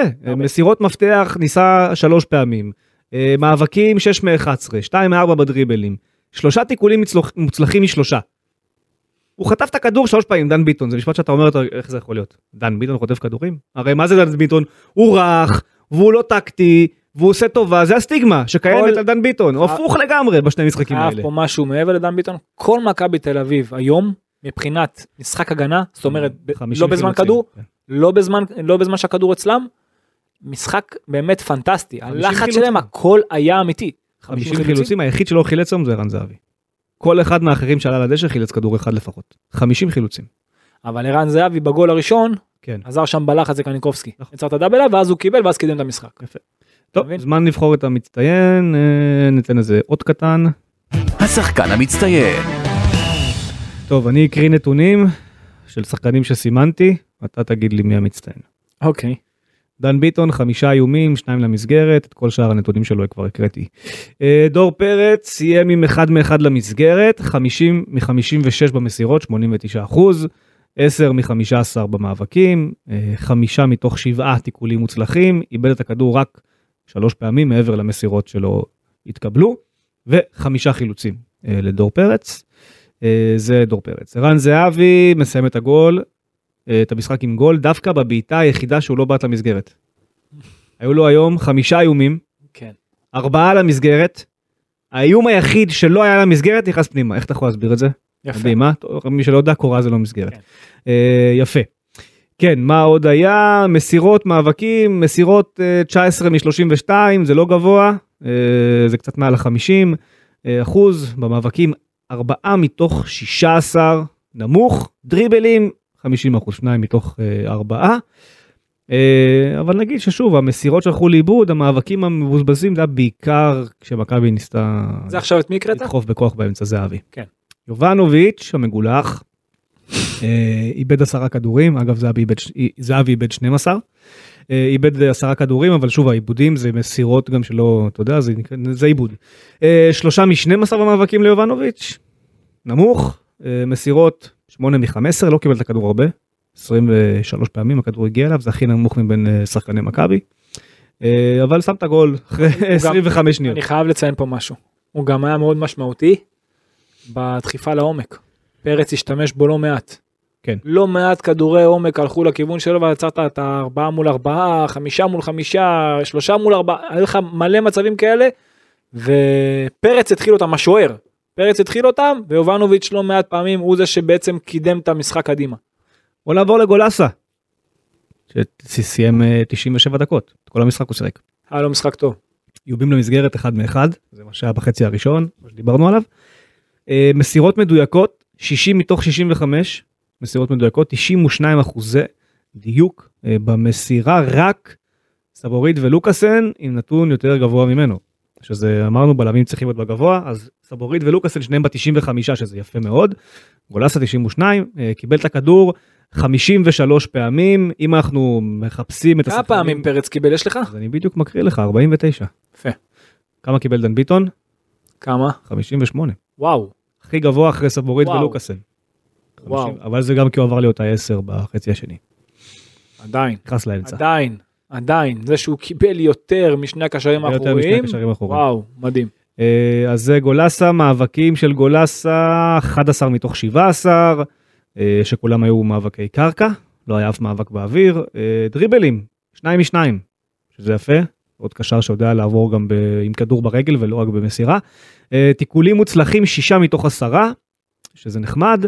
אה, כמובן הנתונים של דור פרץ אה, היו טובים יותר, אבל אה, גם בשביל גולסה זה יפה שישה היה לו משחק. טוב, הוא השלים את פרץ כמו שצריך, גם תמיד שמרו על האמצע כמו שצריך. וגם חילץ יותר מדור פרץ, זה מה רציתי להגיד בשורה התחתונה, יש לו שבעה חילוצים, לדור פרץ היו חמישה, עיבודים רק ארבעה לאייל גולסה, אבל וראיתם, העיבודים באו בעיקר במסירות הלא מדויקות, שזה בסך הכל ארבע, כן. שזה יפה. חייבים אבל לומר משהו. אוקיי, אתה מקריא את המסירות הלא מדויקות, היו, אני מדבר על החלק היותר אחורי, הקישור האחורי והבלמים.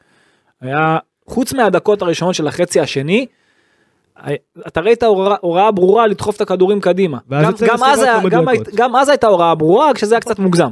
וזה מקצין את המסירות הלא מדויקות. בדיוק, ולכן היה את היותר עיבודים כביכול. יפה. אה, זה היה נלק, אבל זה נלקח בחשבון, זה מה שאני נכון. מנסה להגיד, זה נלקח בחשבון נכון, כדי נכון. שהמשחק יהיה בחצי המגרש של היריבה. מסכים. אה, לוקאסן השחקן שקיבל את הכי הרבה מסירות במהלך המשחק, 71. אה, 79 מסירות מתוך 83 מדויקות, 95 אחוז, אמרנו, מאבקים, ארבעה מתוך חמישה, פספס מאבק אחד באוויר היום, בושה. אבל זה כי זה היה מול טוגי, שיתבייש. כן, אבל בקרקע ובקרקע שלושה משלושה, דריבלים ללוקאסל, שניים משניים. אה, שישה חילוצי כדור, המחלץ המוביל על הדשא, וזה השחקן האחרון שאני אקריא, אה, הנריק סבורית, עשרה חילוצים, אה, שניים משניים בתיקולים, חמישה. מחמישה בקרקע, שישה משבעה בסך הכל, אה, מסירות שהתקבלו 63, ואחוז הדיוק אמרנו 95 אחוז, 74 מתוך 78. מפה תבחר את המצטיין, אתה יודע מה אני אוהב בכדורגל. את דן ביטון. איזה גדול אתה. מספרי 10, דן ביטון, עזוב שהוא לא שיחק כ-10, חוץ מבחלק אחרי ההרחקה, שיחק מ-20 דקות. אבל שחקן שמקדם כך את המשחק ושהוא עושה את הפעולות הבלתי צפויות והמסירות שלו כל כך חכמות והנגיעה שלו כל כך רכה ובנייחים והכל. זה עושה את ההבדל מבחינתי אחלה, אחלה שני משחקים של דן ביטון. ממש הוא כאילו הגלוך של הפלייאוף הקודם. ותחשוב שהוא עושה את זה על זה. תמיד אומרים תמיד אבל אומרים כן. אתה זוכר תמיד חברים שלך היו אומרים כן. דן ביטון למשחק של מעברים ומהירות וזה הוא לא טוב נכון. הוא אתה צריך דרך דרך הצפיפות של אמרתי, יש נמוך. הרבה סטיגמות על דן נכון. ביטון שהוא מנפץ פה בשני משחקים ב- דרך בכלום. הצפיפות. וזה על שטח קטן בקט רגל שם הוא טוב תקשיב שחקן. בהכל הוא טוב אני, אני... בהכל הוא טוב, בהכל, אני בהכל. אני באמת נפעם מדן ביטון בשני בהכל המשחקים האלה. בהכל וטקטית הוא אדיר ואני מזכיר לך, זה שחקן שפתח, טקטית התקפית גם הוא אדיר טקטית התקפית הכל שהיו לו עד השבוע שעבר 50 דקות. אתה מבין עד לפני שבועיים, 50 דקות. זהו, זה מה שהוא שיחק במכבי תל אביב. תראה 50 מה 50 תראה- דקות. תראה מה הוא גם בלי כושר משחק, זה כאילו השורה התחתונה. מבין? תחשוב שאם הוא טוב ובכושר משחק, לאן י- כאילו מה התקרה של זה? אם יש תקרה, אני לא יודע. זה פשוט מדהים. אה, ומאכזב באותה מידה. אה, אני רוצה לסיום בגזרת השחקנים. רגע ש- מי המצטיין שלך קודם כל ברור שדן ביטון, אה, אבל אני אמשיך וילך עם ה... עם האני מאמין שלי ודור פרץ. האמת זה- זו הייתה ההתלבטות שלי אבל אה, דן ביטון אבל שוב זה גניבת דעת זה כמו להגיד שבחיפה מצטיין זה אבו פאני כשזה עומר אצילי. אה, ברור שזה דן ביטון אבל אם אני צריך לבחור את הבא בתור אז אני אגיד דור פרץ. אוקיי. אה, ררש איליה שעזב את המשחק מדוכדך ובאמת חבל לי עליו. גם כי- הערב כן גם הערב. אמרו לי שהוא היה- עלה מבואס לאוטובוס. הוא היה בסדר גם הוא דווקא. וגם קניקוב. הוא היה טוב גם קניקובסקי עלו מבואסים לאוטובוס. כנראה כי אם אתה יודע הם רצו את ה... אני מניח שגבי רצה את, הגול הזה שככה.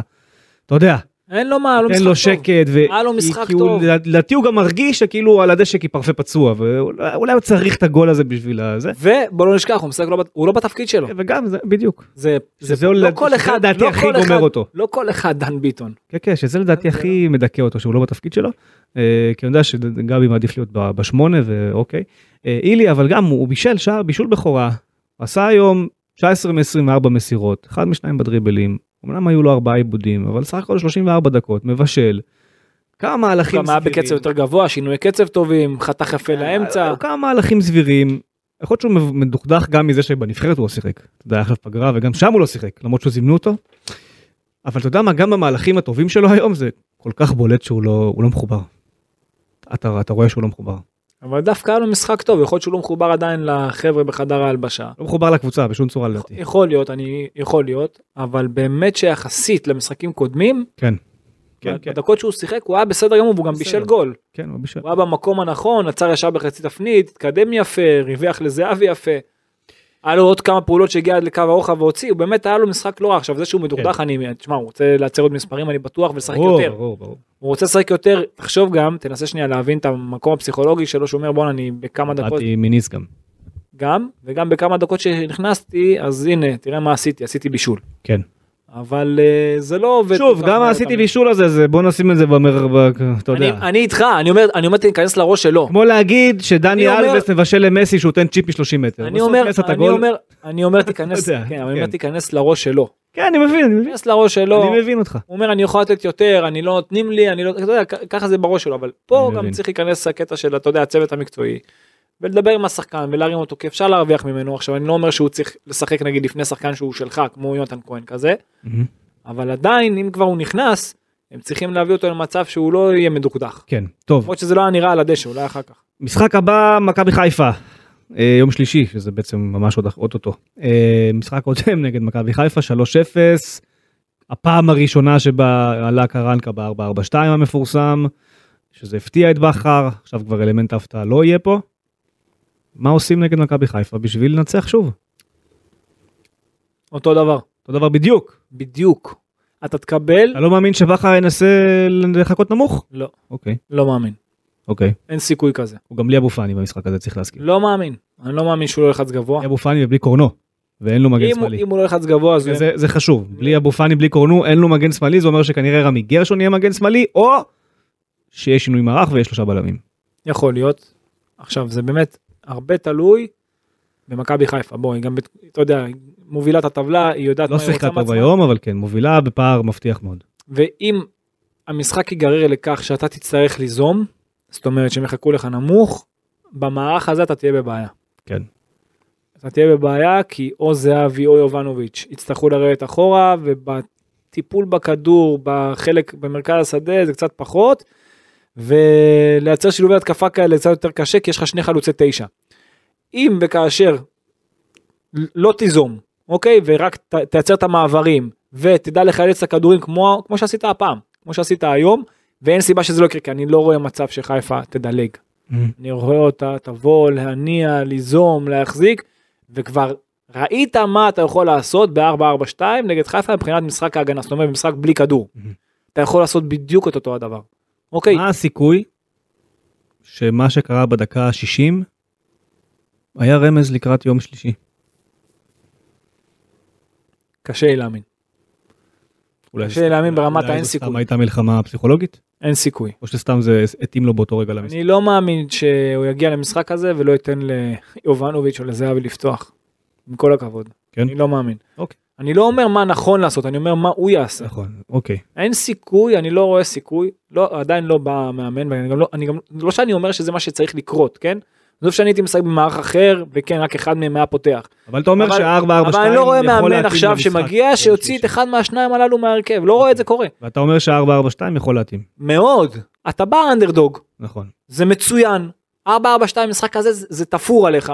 פשוט אל תנסה ליזום כשאתה לא יכול אתה רק עם שניים באמצע. תעשה כמו היום. בדיוק. אוקיי. אתה משחק בדיוק כמו היום. אוקיי. תחשוב הרי הפועל ירושלים שיחקה היום כמו שמכבי חיפה רוצה לשחק. כביכול רק ש... עם, עם איכות הרבה פחות בלי הרבה חשיבה. לחיפה יש עומק. עכשיו אם רגע גם חיפה אבל להבדיל ראינו אותה שלא בדיוק יש לה עומק יש לה גם אופציות לעומק והיא גם לפעמים חושבת כן בוא יש לה נדלג גם כישרון אישי. גם וגם היא חושבת בוא בוא נדלג לפעמים אם אתה תגרום לה לא לדלג אוקיי אז ו- וממש להרוויח את הכדורים בהתחלה בלחץ גבוה אז uh, המשחק יכול ללכת לטובתך אוקיי. טוב, אנחנו לפני סיום. אה, אני רוצה לסיים בקטע של- על קרנקה. אה, דיברנו הרבה על קרנקה, אה, לא מעט, גם בפרק הזה. משהו שככה ליקטתי בסוף השבוע. אוקיי אה, קודם כל קרנקה דיבר איתנו ביום שישי באירוע של קרן מכבי תל אביב יחד עם אחים לסמל אריזות המזון. וגם שם הוא חוזר על אותה אמירה שיש לו חוזה לעונה הבאה והוא מתכוון הוא מתכוון לעמוד בחוזה שלו זאת אומרת אם זה תלוי בו הוא פה. עכשיו. היו גורמים כאלה ואחרים שקשורים למכבי תל אביב שטענו כבר לפני מספר שבועות שקרנקה לא ימשיך לעוד עונה. ההנהלה הבכירה של המועדון מתנערת מכל האמירות האלה.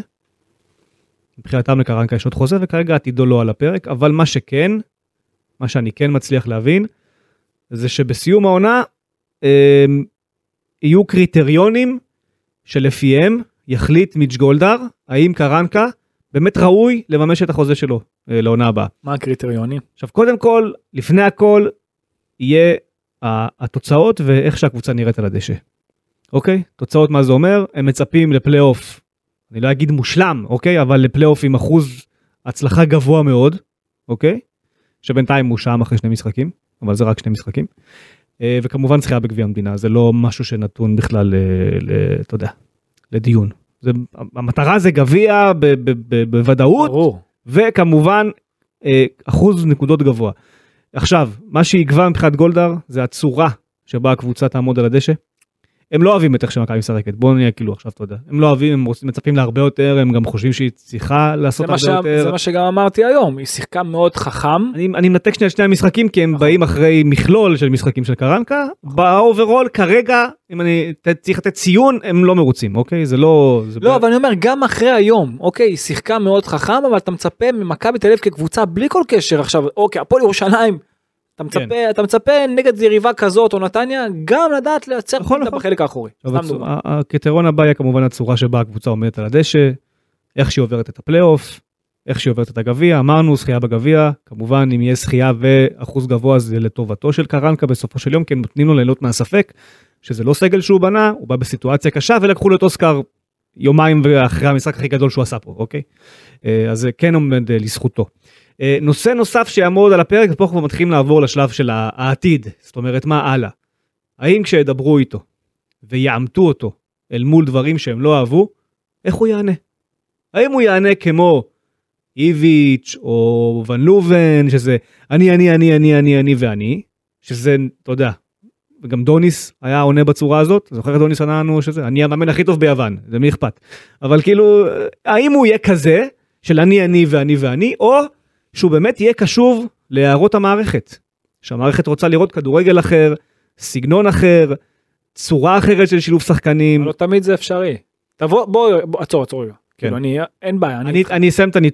הקריטריונים ואתה תתן את שלך. אוקיי. זה יהיה הדבר הנוסף. אני יכול להגיד לך שגולדהר ואנגלידיס מצפים לראות אה, את הכדורגל שכולם רוצים לראות ממכבי תל אביב, ומצפים לראות מאמן שלא רק יודע לעשות את זה, אלא גם מבין שהוא צריך לעשות את זה, ויפעל כדי לעשות את זה, אוקיי? על ידי שינויים כאלה ואחרים, הם ירצו לשמוע את התזה שלו לקראת העונה הבאה.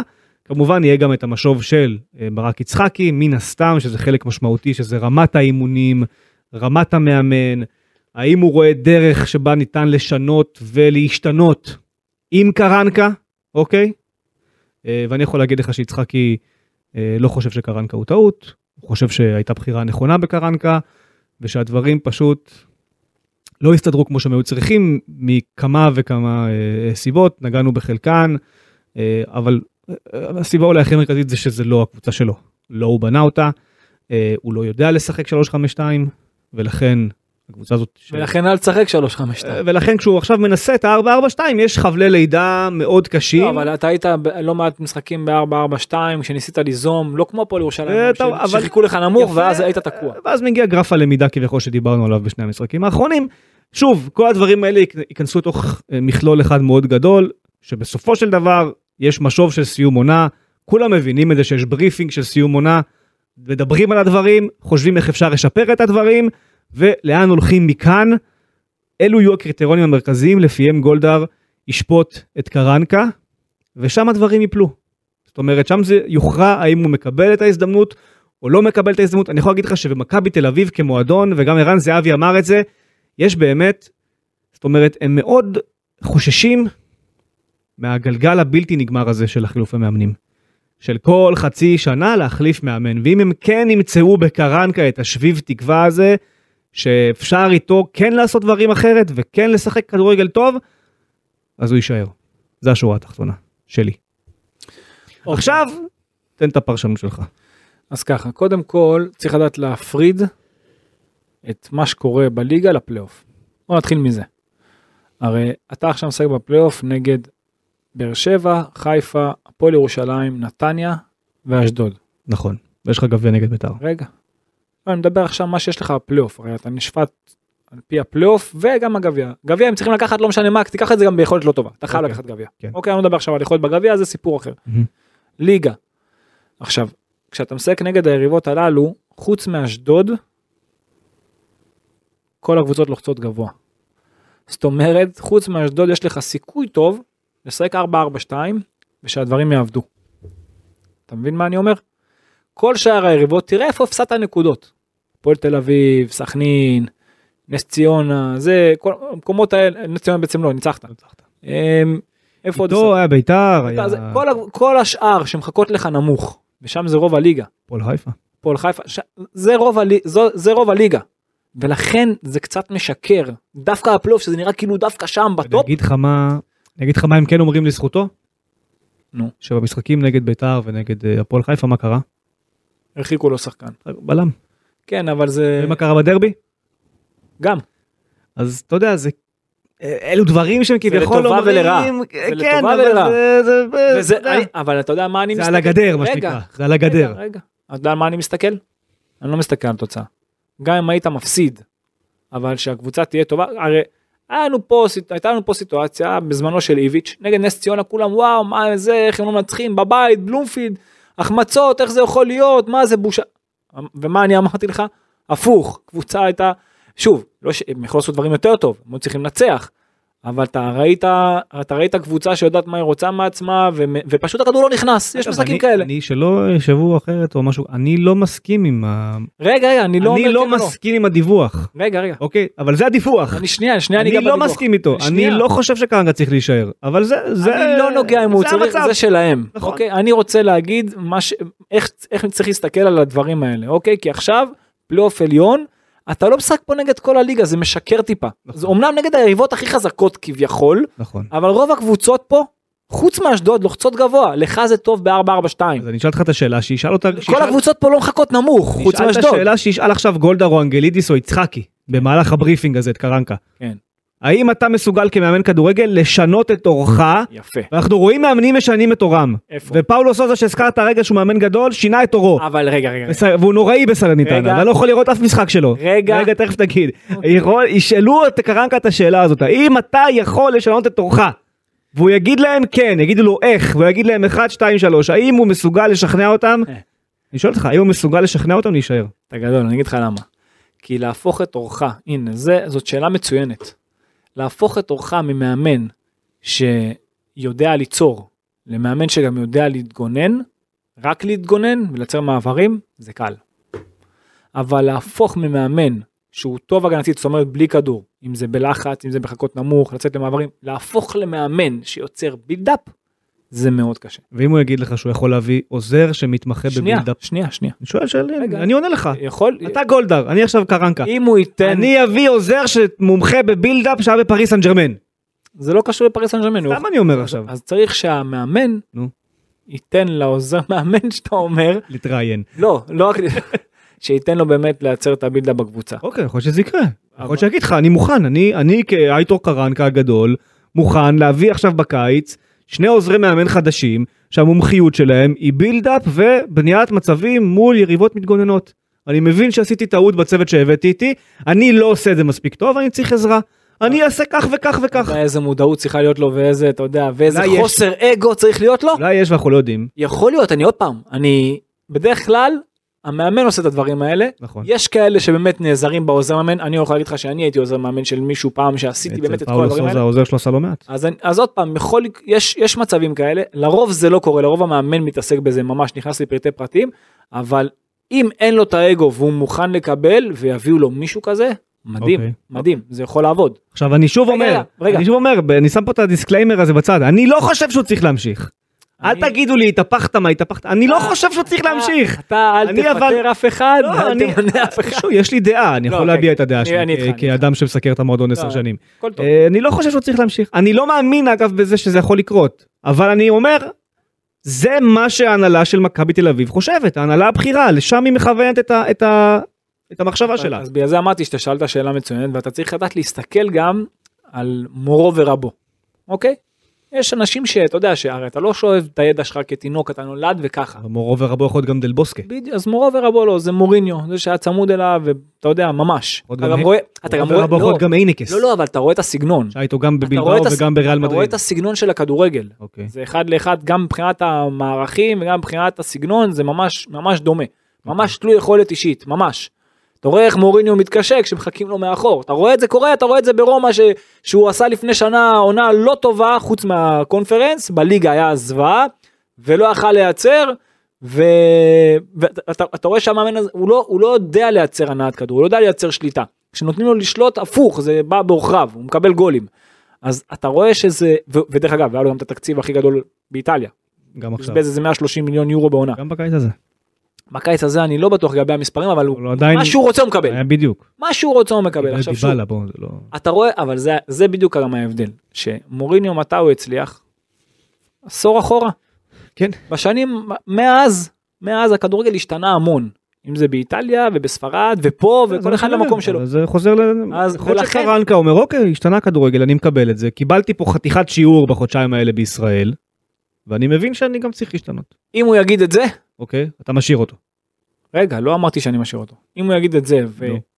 ויבוא מאמן איתו ביחד כן שידע לייצר את מה שדיברנו, התרחיש שאמרתי אם הוא אז זאת. אופציה. אוקיי. יכול לקרות, גם יכולה לקרות אופציה שיביאו מאמן שכבר עושה את זה, אתה יודע. אה, זה משהו אחר נכון. כן. טוב זה היה אבל, דיון. אבל מה שכן, הדיון כרגע, היה מאוד תיאורטי מה לגבי שכן- מה יהיה בשיחות אבל אבל לשם זה ילך. מה שכן- אומרת, גולדהאר אלו הקריטריונים. מה שכן אבל כרגע זה לא מספיק למכבי תל אביב. זה בטוח. זה, אה, זה בטוח. אין- אין שום- אין פה בכלל. אה, ושוב. הפלייאוף העליון אני אומר לך, הפלייאוף העליון, גם אם תעשה, ואתה, ועוד פעם, אני באמת לא מסתכל על תוצאות. כאילו זה תמיד כיף לנתח אחרי תוצאות, גם אנשים חייבים להבין שהם שומעים אותנו, אז זה תמיד גם יותר, יש יותר האזנות אחרי שקבוצה מנצחת, הכל יותר כיף, הכל יותר נוח, הכל יותר רגוע. גם לנו זה כיף. אבל אני באמת לא מסתכל על תוצאות, אני מסתכל על יכולת, והיום מכבי הייתה מאוד מאוד חכמה, אבל עדיין יש דברים שאתה תרצה לראות מהקבוצה הזאת, לא משנה נגד מי, לא גם נגד אה, קבוצה, גם נגד קבוצה שלוחץ אותך, אתה רוצה עוד קבוצה שלא עושה לה חשבון ומניעה כדור ויוצאת למצבים גם דרך הבילדה בחלק האחורי. לא צריך ללכת רחוק מדי ניצחו את נס ציונה 2-0 היה משחק נוראי והיה פה פרק שלילי מאוד. נכון? לא וה- אף אחד לא ניסה לייפות את וזה זה. מה שאני אומר ואמרתי ויש ויש והיו משחקים שלא לא, באמת ניצחת היה משחק טוב. והיו משחקים שלא ניצחת ואנחנו רק החמאנו. יפה טוב סיפור לסיום עשינו פרק ארוך אה, אני אני אגיד שוב פעם את הכוכבית שלא יגידו לי הנה לא מתהפכים אני לא חושב שקרנקה מספיק טוב אני גם חושב אתה יודע מה אני אגיד יותר מזה אני אני חושב שהוא לא יהיה בעונה הבאה. אבל אם יקרה מצב והוא יישאר תזכרו מה מה הוביל לזה מה מה מה הקריטריונים שהובילו לכך שהוא נשאר. אבל זה מאוד באוויר שכן, הוא אבל- צריך לעשות פלייאוף הרבה יותר טוב עם ניצחונות אתה יודע מרובים ולזכות בגביע קודם כל משם צריך להתחיל ושוב חשוב לזכור לשנות את אורך מאחד ש... זה בקיץ כן. מאחד- לא לא לשנות את אורך מאחד שמתגונן לאחד שיודע ליזום קשה. זה כמו להפוך זה כמו זה בדיוק אותו דבר כמו להפוך שכיר לעצמאי. הבנת את הראש? בגישה. אבל זה קורה. זה זה זה לא קורה זה לא קורה, קורה הרבה. לא שזה מצליח אבל אוקיי. זה מצליח עצמאי שמצליח בענק זה בדיוק הגישה של פתאום לבוא ולדעת לייצר ולדעת ליזום לא בזכות מה שהיריבה עושה אבל אתה יודע גם שאתם זה סיפור אחר אתה מביא את העוזרים הנכונים אז הם יכולים לעזור לך להיות היוזם. אתה צריך גם לתת להם זה מורכב זה לא זה כזה מורכב פשוט אבל זה לא כזה מסובך גם. בעולם הכדורגל זה לא כזה פשוט למרות ששוב אני מצפה את זה מזה אני מצפ- מצפה את זה מהמאמן של הקבוצה כן כן כן. טוב סיפור לסיום. כן הרבה זמן לא היה סתם היה לא היה לא מעט לאחרונה. אה, כן אז הייתי עכשיו עם הנבחרת אה, הזכיר לי אחלה של סיפור. מהקמפיין של גוטמן שנפתח בקפריסין מול אה, בניקוסיה. חושב שזה 2014 אם אני זוכר נכון. טל בן חיים ברדה כובשים שערים מנצחים שם בסוף ניצחון דרמטי הייתה איזה הצלה ענקית של השוער שם ברגעים האחרונים. ישראל ניצחה 2-1 את קפריסין פתיחת קמפיין. אה, ושלחו אותי לסקר את הנבחרת. ואני יושב בבית מלון שלי בניקוסיה.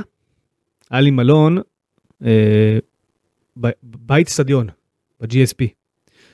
עכשיו הסיפור לסיום הזה הוא בעצם שני סיפורים אוקיי. לקחנו מלון היינו צריכים לסגור מלון אה, אתה יודע בהתראה מאוד אה, קצרה גם לא היו ממש טיסות הכל כזה היה מורכב. שלא תדעו איך, איך הגעתי לניקוסיה זה היה ברמת ה... זה פרק אה, אתה יודע פרק לתעופה בחקירה על איך שהגעתי לניקוסיה. זה למקרה יום אחר אה, בכל אופן נשארנו באמת עם רגעים אחרונים של לסגור מלון ואז פתאום בחיפוש בבוקינג פתאום קופץ לנו המלון של ה-GSP. שלא היה לנו מושג שהוא קיים בכלל. ויש שם אחלה מלון חמוד כזה. שהוא יושב על המגרש אימונים של יד האצטדיון אוקיי ומשקיף עליו. אוקיי אז סגרנו שם חדר. ואתה יודע אני מגיע ביום הראשון הנבחרת הייתה שם שלושה ימים. והנבחרת מגיעה יחד איתי והיה שם סיפור מאוד גדול שגוטמן מאוד חשש ממרגלים. אוקיי הוא מאוד חשש מריגול. ומשהו שם באצטדיון עצמו ב-GSP לא בא להם בטוב. והנבחרת מבקשת להזיז את האימון. על היום הראשון כבר. בעצם מחליטים שהיום האימון של היום הראשון והאימון של היום השני יהיו למעשה על כר הדשא שאני משקיף עליו. עכשיו הם לא יודעים שאני שם. ואני רואה את כל האימון למעשה. עכשיו אני רואה אני רואה את הקריאות שמתרחשות בתוך האימון אני רואה את זה מהחלון של החדר הם לא יודעים שאני רואה את זה. אני גם מצלם מתוך החלון של החדר את האימון. ואין להם מושג שזה, אין להם מושג למה קורה בעצם באותו רגע. ואני מקבל דברים, ואתה יודע, הידיעה שלי ב, ב, באותו יום היא ידיעה מדהימה. תחשוב, אני כאילו מדווח את הדברים, הם לא יודעים שאני שם. בתמונות לא השתמשתי, אבל הם לא, הם לא מבינים איך זה קורה. אני אשכרה יודע כל מה שקרה באימון. ועולה הידיעה באחד האתרים המתחרים, שבנבחרת נדהמו לגלות שיש מרגלים באימון הנבחרת. כי איך זה יכול להיות שכל הדברים בחוץ מישהו אתה יודע מישהו ריגל מישהו העביר מידע. וגם והם הם כאילו לא הבינו שהבעיה זה שאני שם. וגם יום למחרת האימון מתנהל מתחת לחדר שלי. ואני שוב רואה את כל הדברים ואני אני ממש שומע את גוטמן מחלק הוראות. שהוא אומר לזה אתה תלך לפה אתה תלך לשם ואני נות... אומר גוטמן אמר לשחקניו אני כותב גוטמן אמר לשחקניו באימון חילק הוראות כך וכך והם השתגעו הם לא הבינו מה קורה. הם לא הבינו מה קורה. אה, ואז היה את האימון המסכם, אוקיי? שראינו רבע שעה אה, ראשונה שלו באיצטדיון, ואחרי זה אני חוזר לחדר שלי במלון. ונגמר האימון המסכם, והקפריסאים היו צריכים להחליף אותם. אז את השחרור הם שוב עושים מתחת לחדר שלי. ואני שומע אותם בשחרור מדברים על דברים שהיו באימון. ואז שוב יוצאים מדברים החוצה, שיש אותם רק לי, מתוך האימון שאני כביכול כבר לא אמור לראות. ואז גם צילמתי אותם, וגם השתמשנו בתמונה של האימון שחרור, ואז הם נראה לי רק הבינו מה קרה באותו רגע. אוקיי. Okay. וזה הפחות, הסיפור הפחות מעניין אפילו בשליחות הזאת. הסיפור היותר מעניין היה ביום הראשון של הנסיעה. אני יושב בחדר בבית מלון, מכין את אחת הכתבות הזאת, מאחת מהכתבות האלה ש, שדיברתי עליהן. ופתאום יש לי טלפון, על הצג מופיע טוני וואקמה. עכשיו מי שלא יודע, וואקמה באותה שנה, פול רעננה. הרעיון הראשון שלו בישראל היה איתי. והיינו בקשרים טובים, עד שהוא עבר לבאר שבע, שם זה ניתק. מה קורה רז? מה... תקשיב, יש לי חבר שיש לו חנות של פלאפונים ב... במרכז העיר בניקוסיה. אני צריך שתיסע, אם אתה יכול, ותקנה לי אייפון. אמרתי לו, אוקיי, מה, איך, כאילו, מאיפה? זה אלף יורו אייפון עכשיו, מאיפה אני לך אייפון? אם אני זוכר נכון, 2014, תבדקו אותי, זה כנראה אייפון 6. אוקיי. אוקיי? שמע, אין לי, אין לי סכום כזה, אין לי אלף יורו עליי. מה וזה, ואתה לא יכול להוציא, ואני אחזיר לך בארץ, וזה עכשיו. כל זה שאני ווואקמה חברים ומדברים, אני לא סומך עליו שהוא יחזיר לי את הכסף. אתה יודע, אני לא, גם בוא, משכורת של רעננה, זה, זה לא, זה לא וואקמה של היום. אמור להיות קל. שקונה את אפל אם הוא רוצה, זה לא אותו דבר, זה אחרת. לא יודע, משהו שם לא הרגיש לי טוב, אמרתי אני לא, אני, אני אומר לו שאין לי כסף וגם אין לי איך להוציא. שזה אגב לא, לא, לא רחוק מהאמת, כן? זה בערך האמת. אוקיי. וואקמה נחוש, הוא לא מוותר, אחרי שעה. טוב, תשמע, תיקח מונית למלון של הנבחרת, מאור בוזגלו יביא לך אלף יורו, הוא חבר שלי. הוא יביא לך אלף יורו, תקנה לי את האייפון, הוא פשוט הוא לא יכול בעצמו, כי אסור להם לצאת מהמלון. אז הוא יביא לך, אתה תקנה לי, ו... לא יודע, אני כבר אני מתקזז מול בוזגלו בישראל. מה הבעיה שלו לקנות בארץ? לא הבנתי. זה בדיוק מה שעניתי לו. אבל למה אתה כזה לחוץ על הזה? לא עד שיגיע לישראל, אמרתי אוקיי זה יגיע ישראל עוד חודש, כאילו מה יקרה בחודש שלא יהיה לך את האייפון אוקיי, זה. אוקיי. לא זה, אמרתי טוב תשמע אני לא, לא יוצא מזה. אני לא יוצא מזה, אבל אני גם לא רוצה. אני לא רוצה לנסוע אוקיי. למלון של הנבחרת, לקחת מבוזגלו אלף יורו, תחשוב איך זה נראה. כן. כאילו מה חושבים עכשיו גם עליי וגם עליו באותו רגע. אז אמרתי לו טוב אני אעדכן אותך מה קורה, אני תכף יוצא לעיר, אני אעדכן אותך. והגעתי לעיר ושלחתי לו הודעה, שמירה סביב המלון, לא מאפשרים לי להיכנס. מסמסתי אותו מהאירוע הזה. אחרי שבועיים אנחנו, אני במשחק של רעננה נגד נתניה, באצטדיון בנתניה, נגמר המשחק, בקמי יוצא, מחזיק אייפון 6 כזה גדול. אני אומר לו, אני רואה שהסתדרת עם האייפון. אבל אה, yes, yes, yes, my friend send it to me in the, through the sea. אמרתי לו, מה זאת אומרת? "אה, כן." קיצור החבר שלח לו את האייפון באונייה. אוקיי. הגיע וזה, אמרתי אוקיי נו והיה שווה את זה? האמת שלא, לא מסתדר איתו, אני מעדיף את האייפון 5.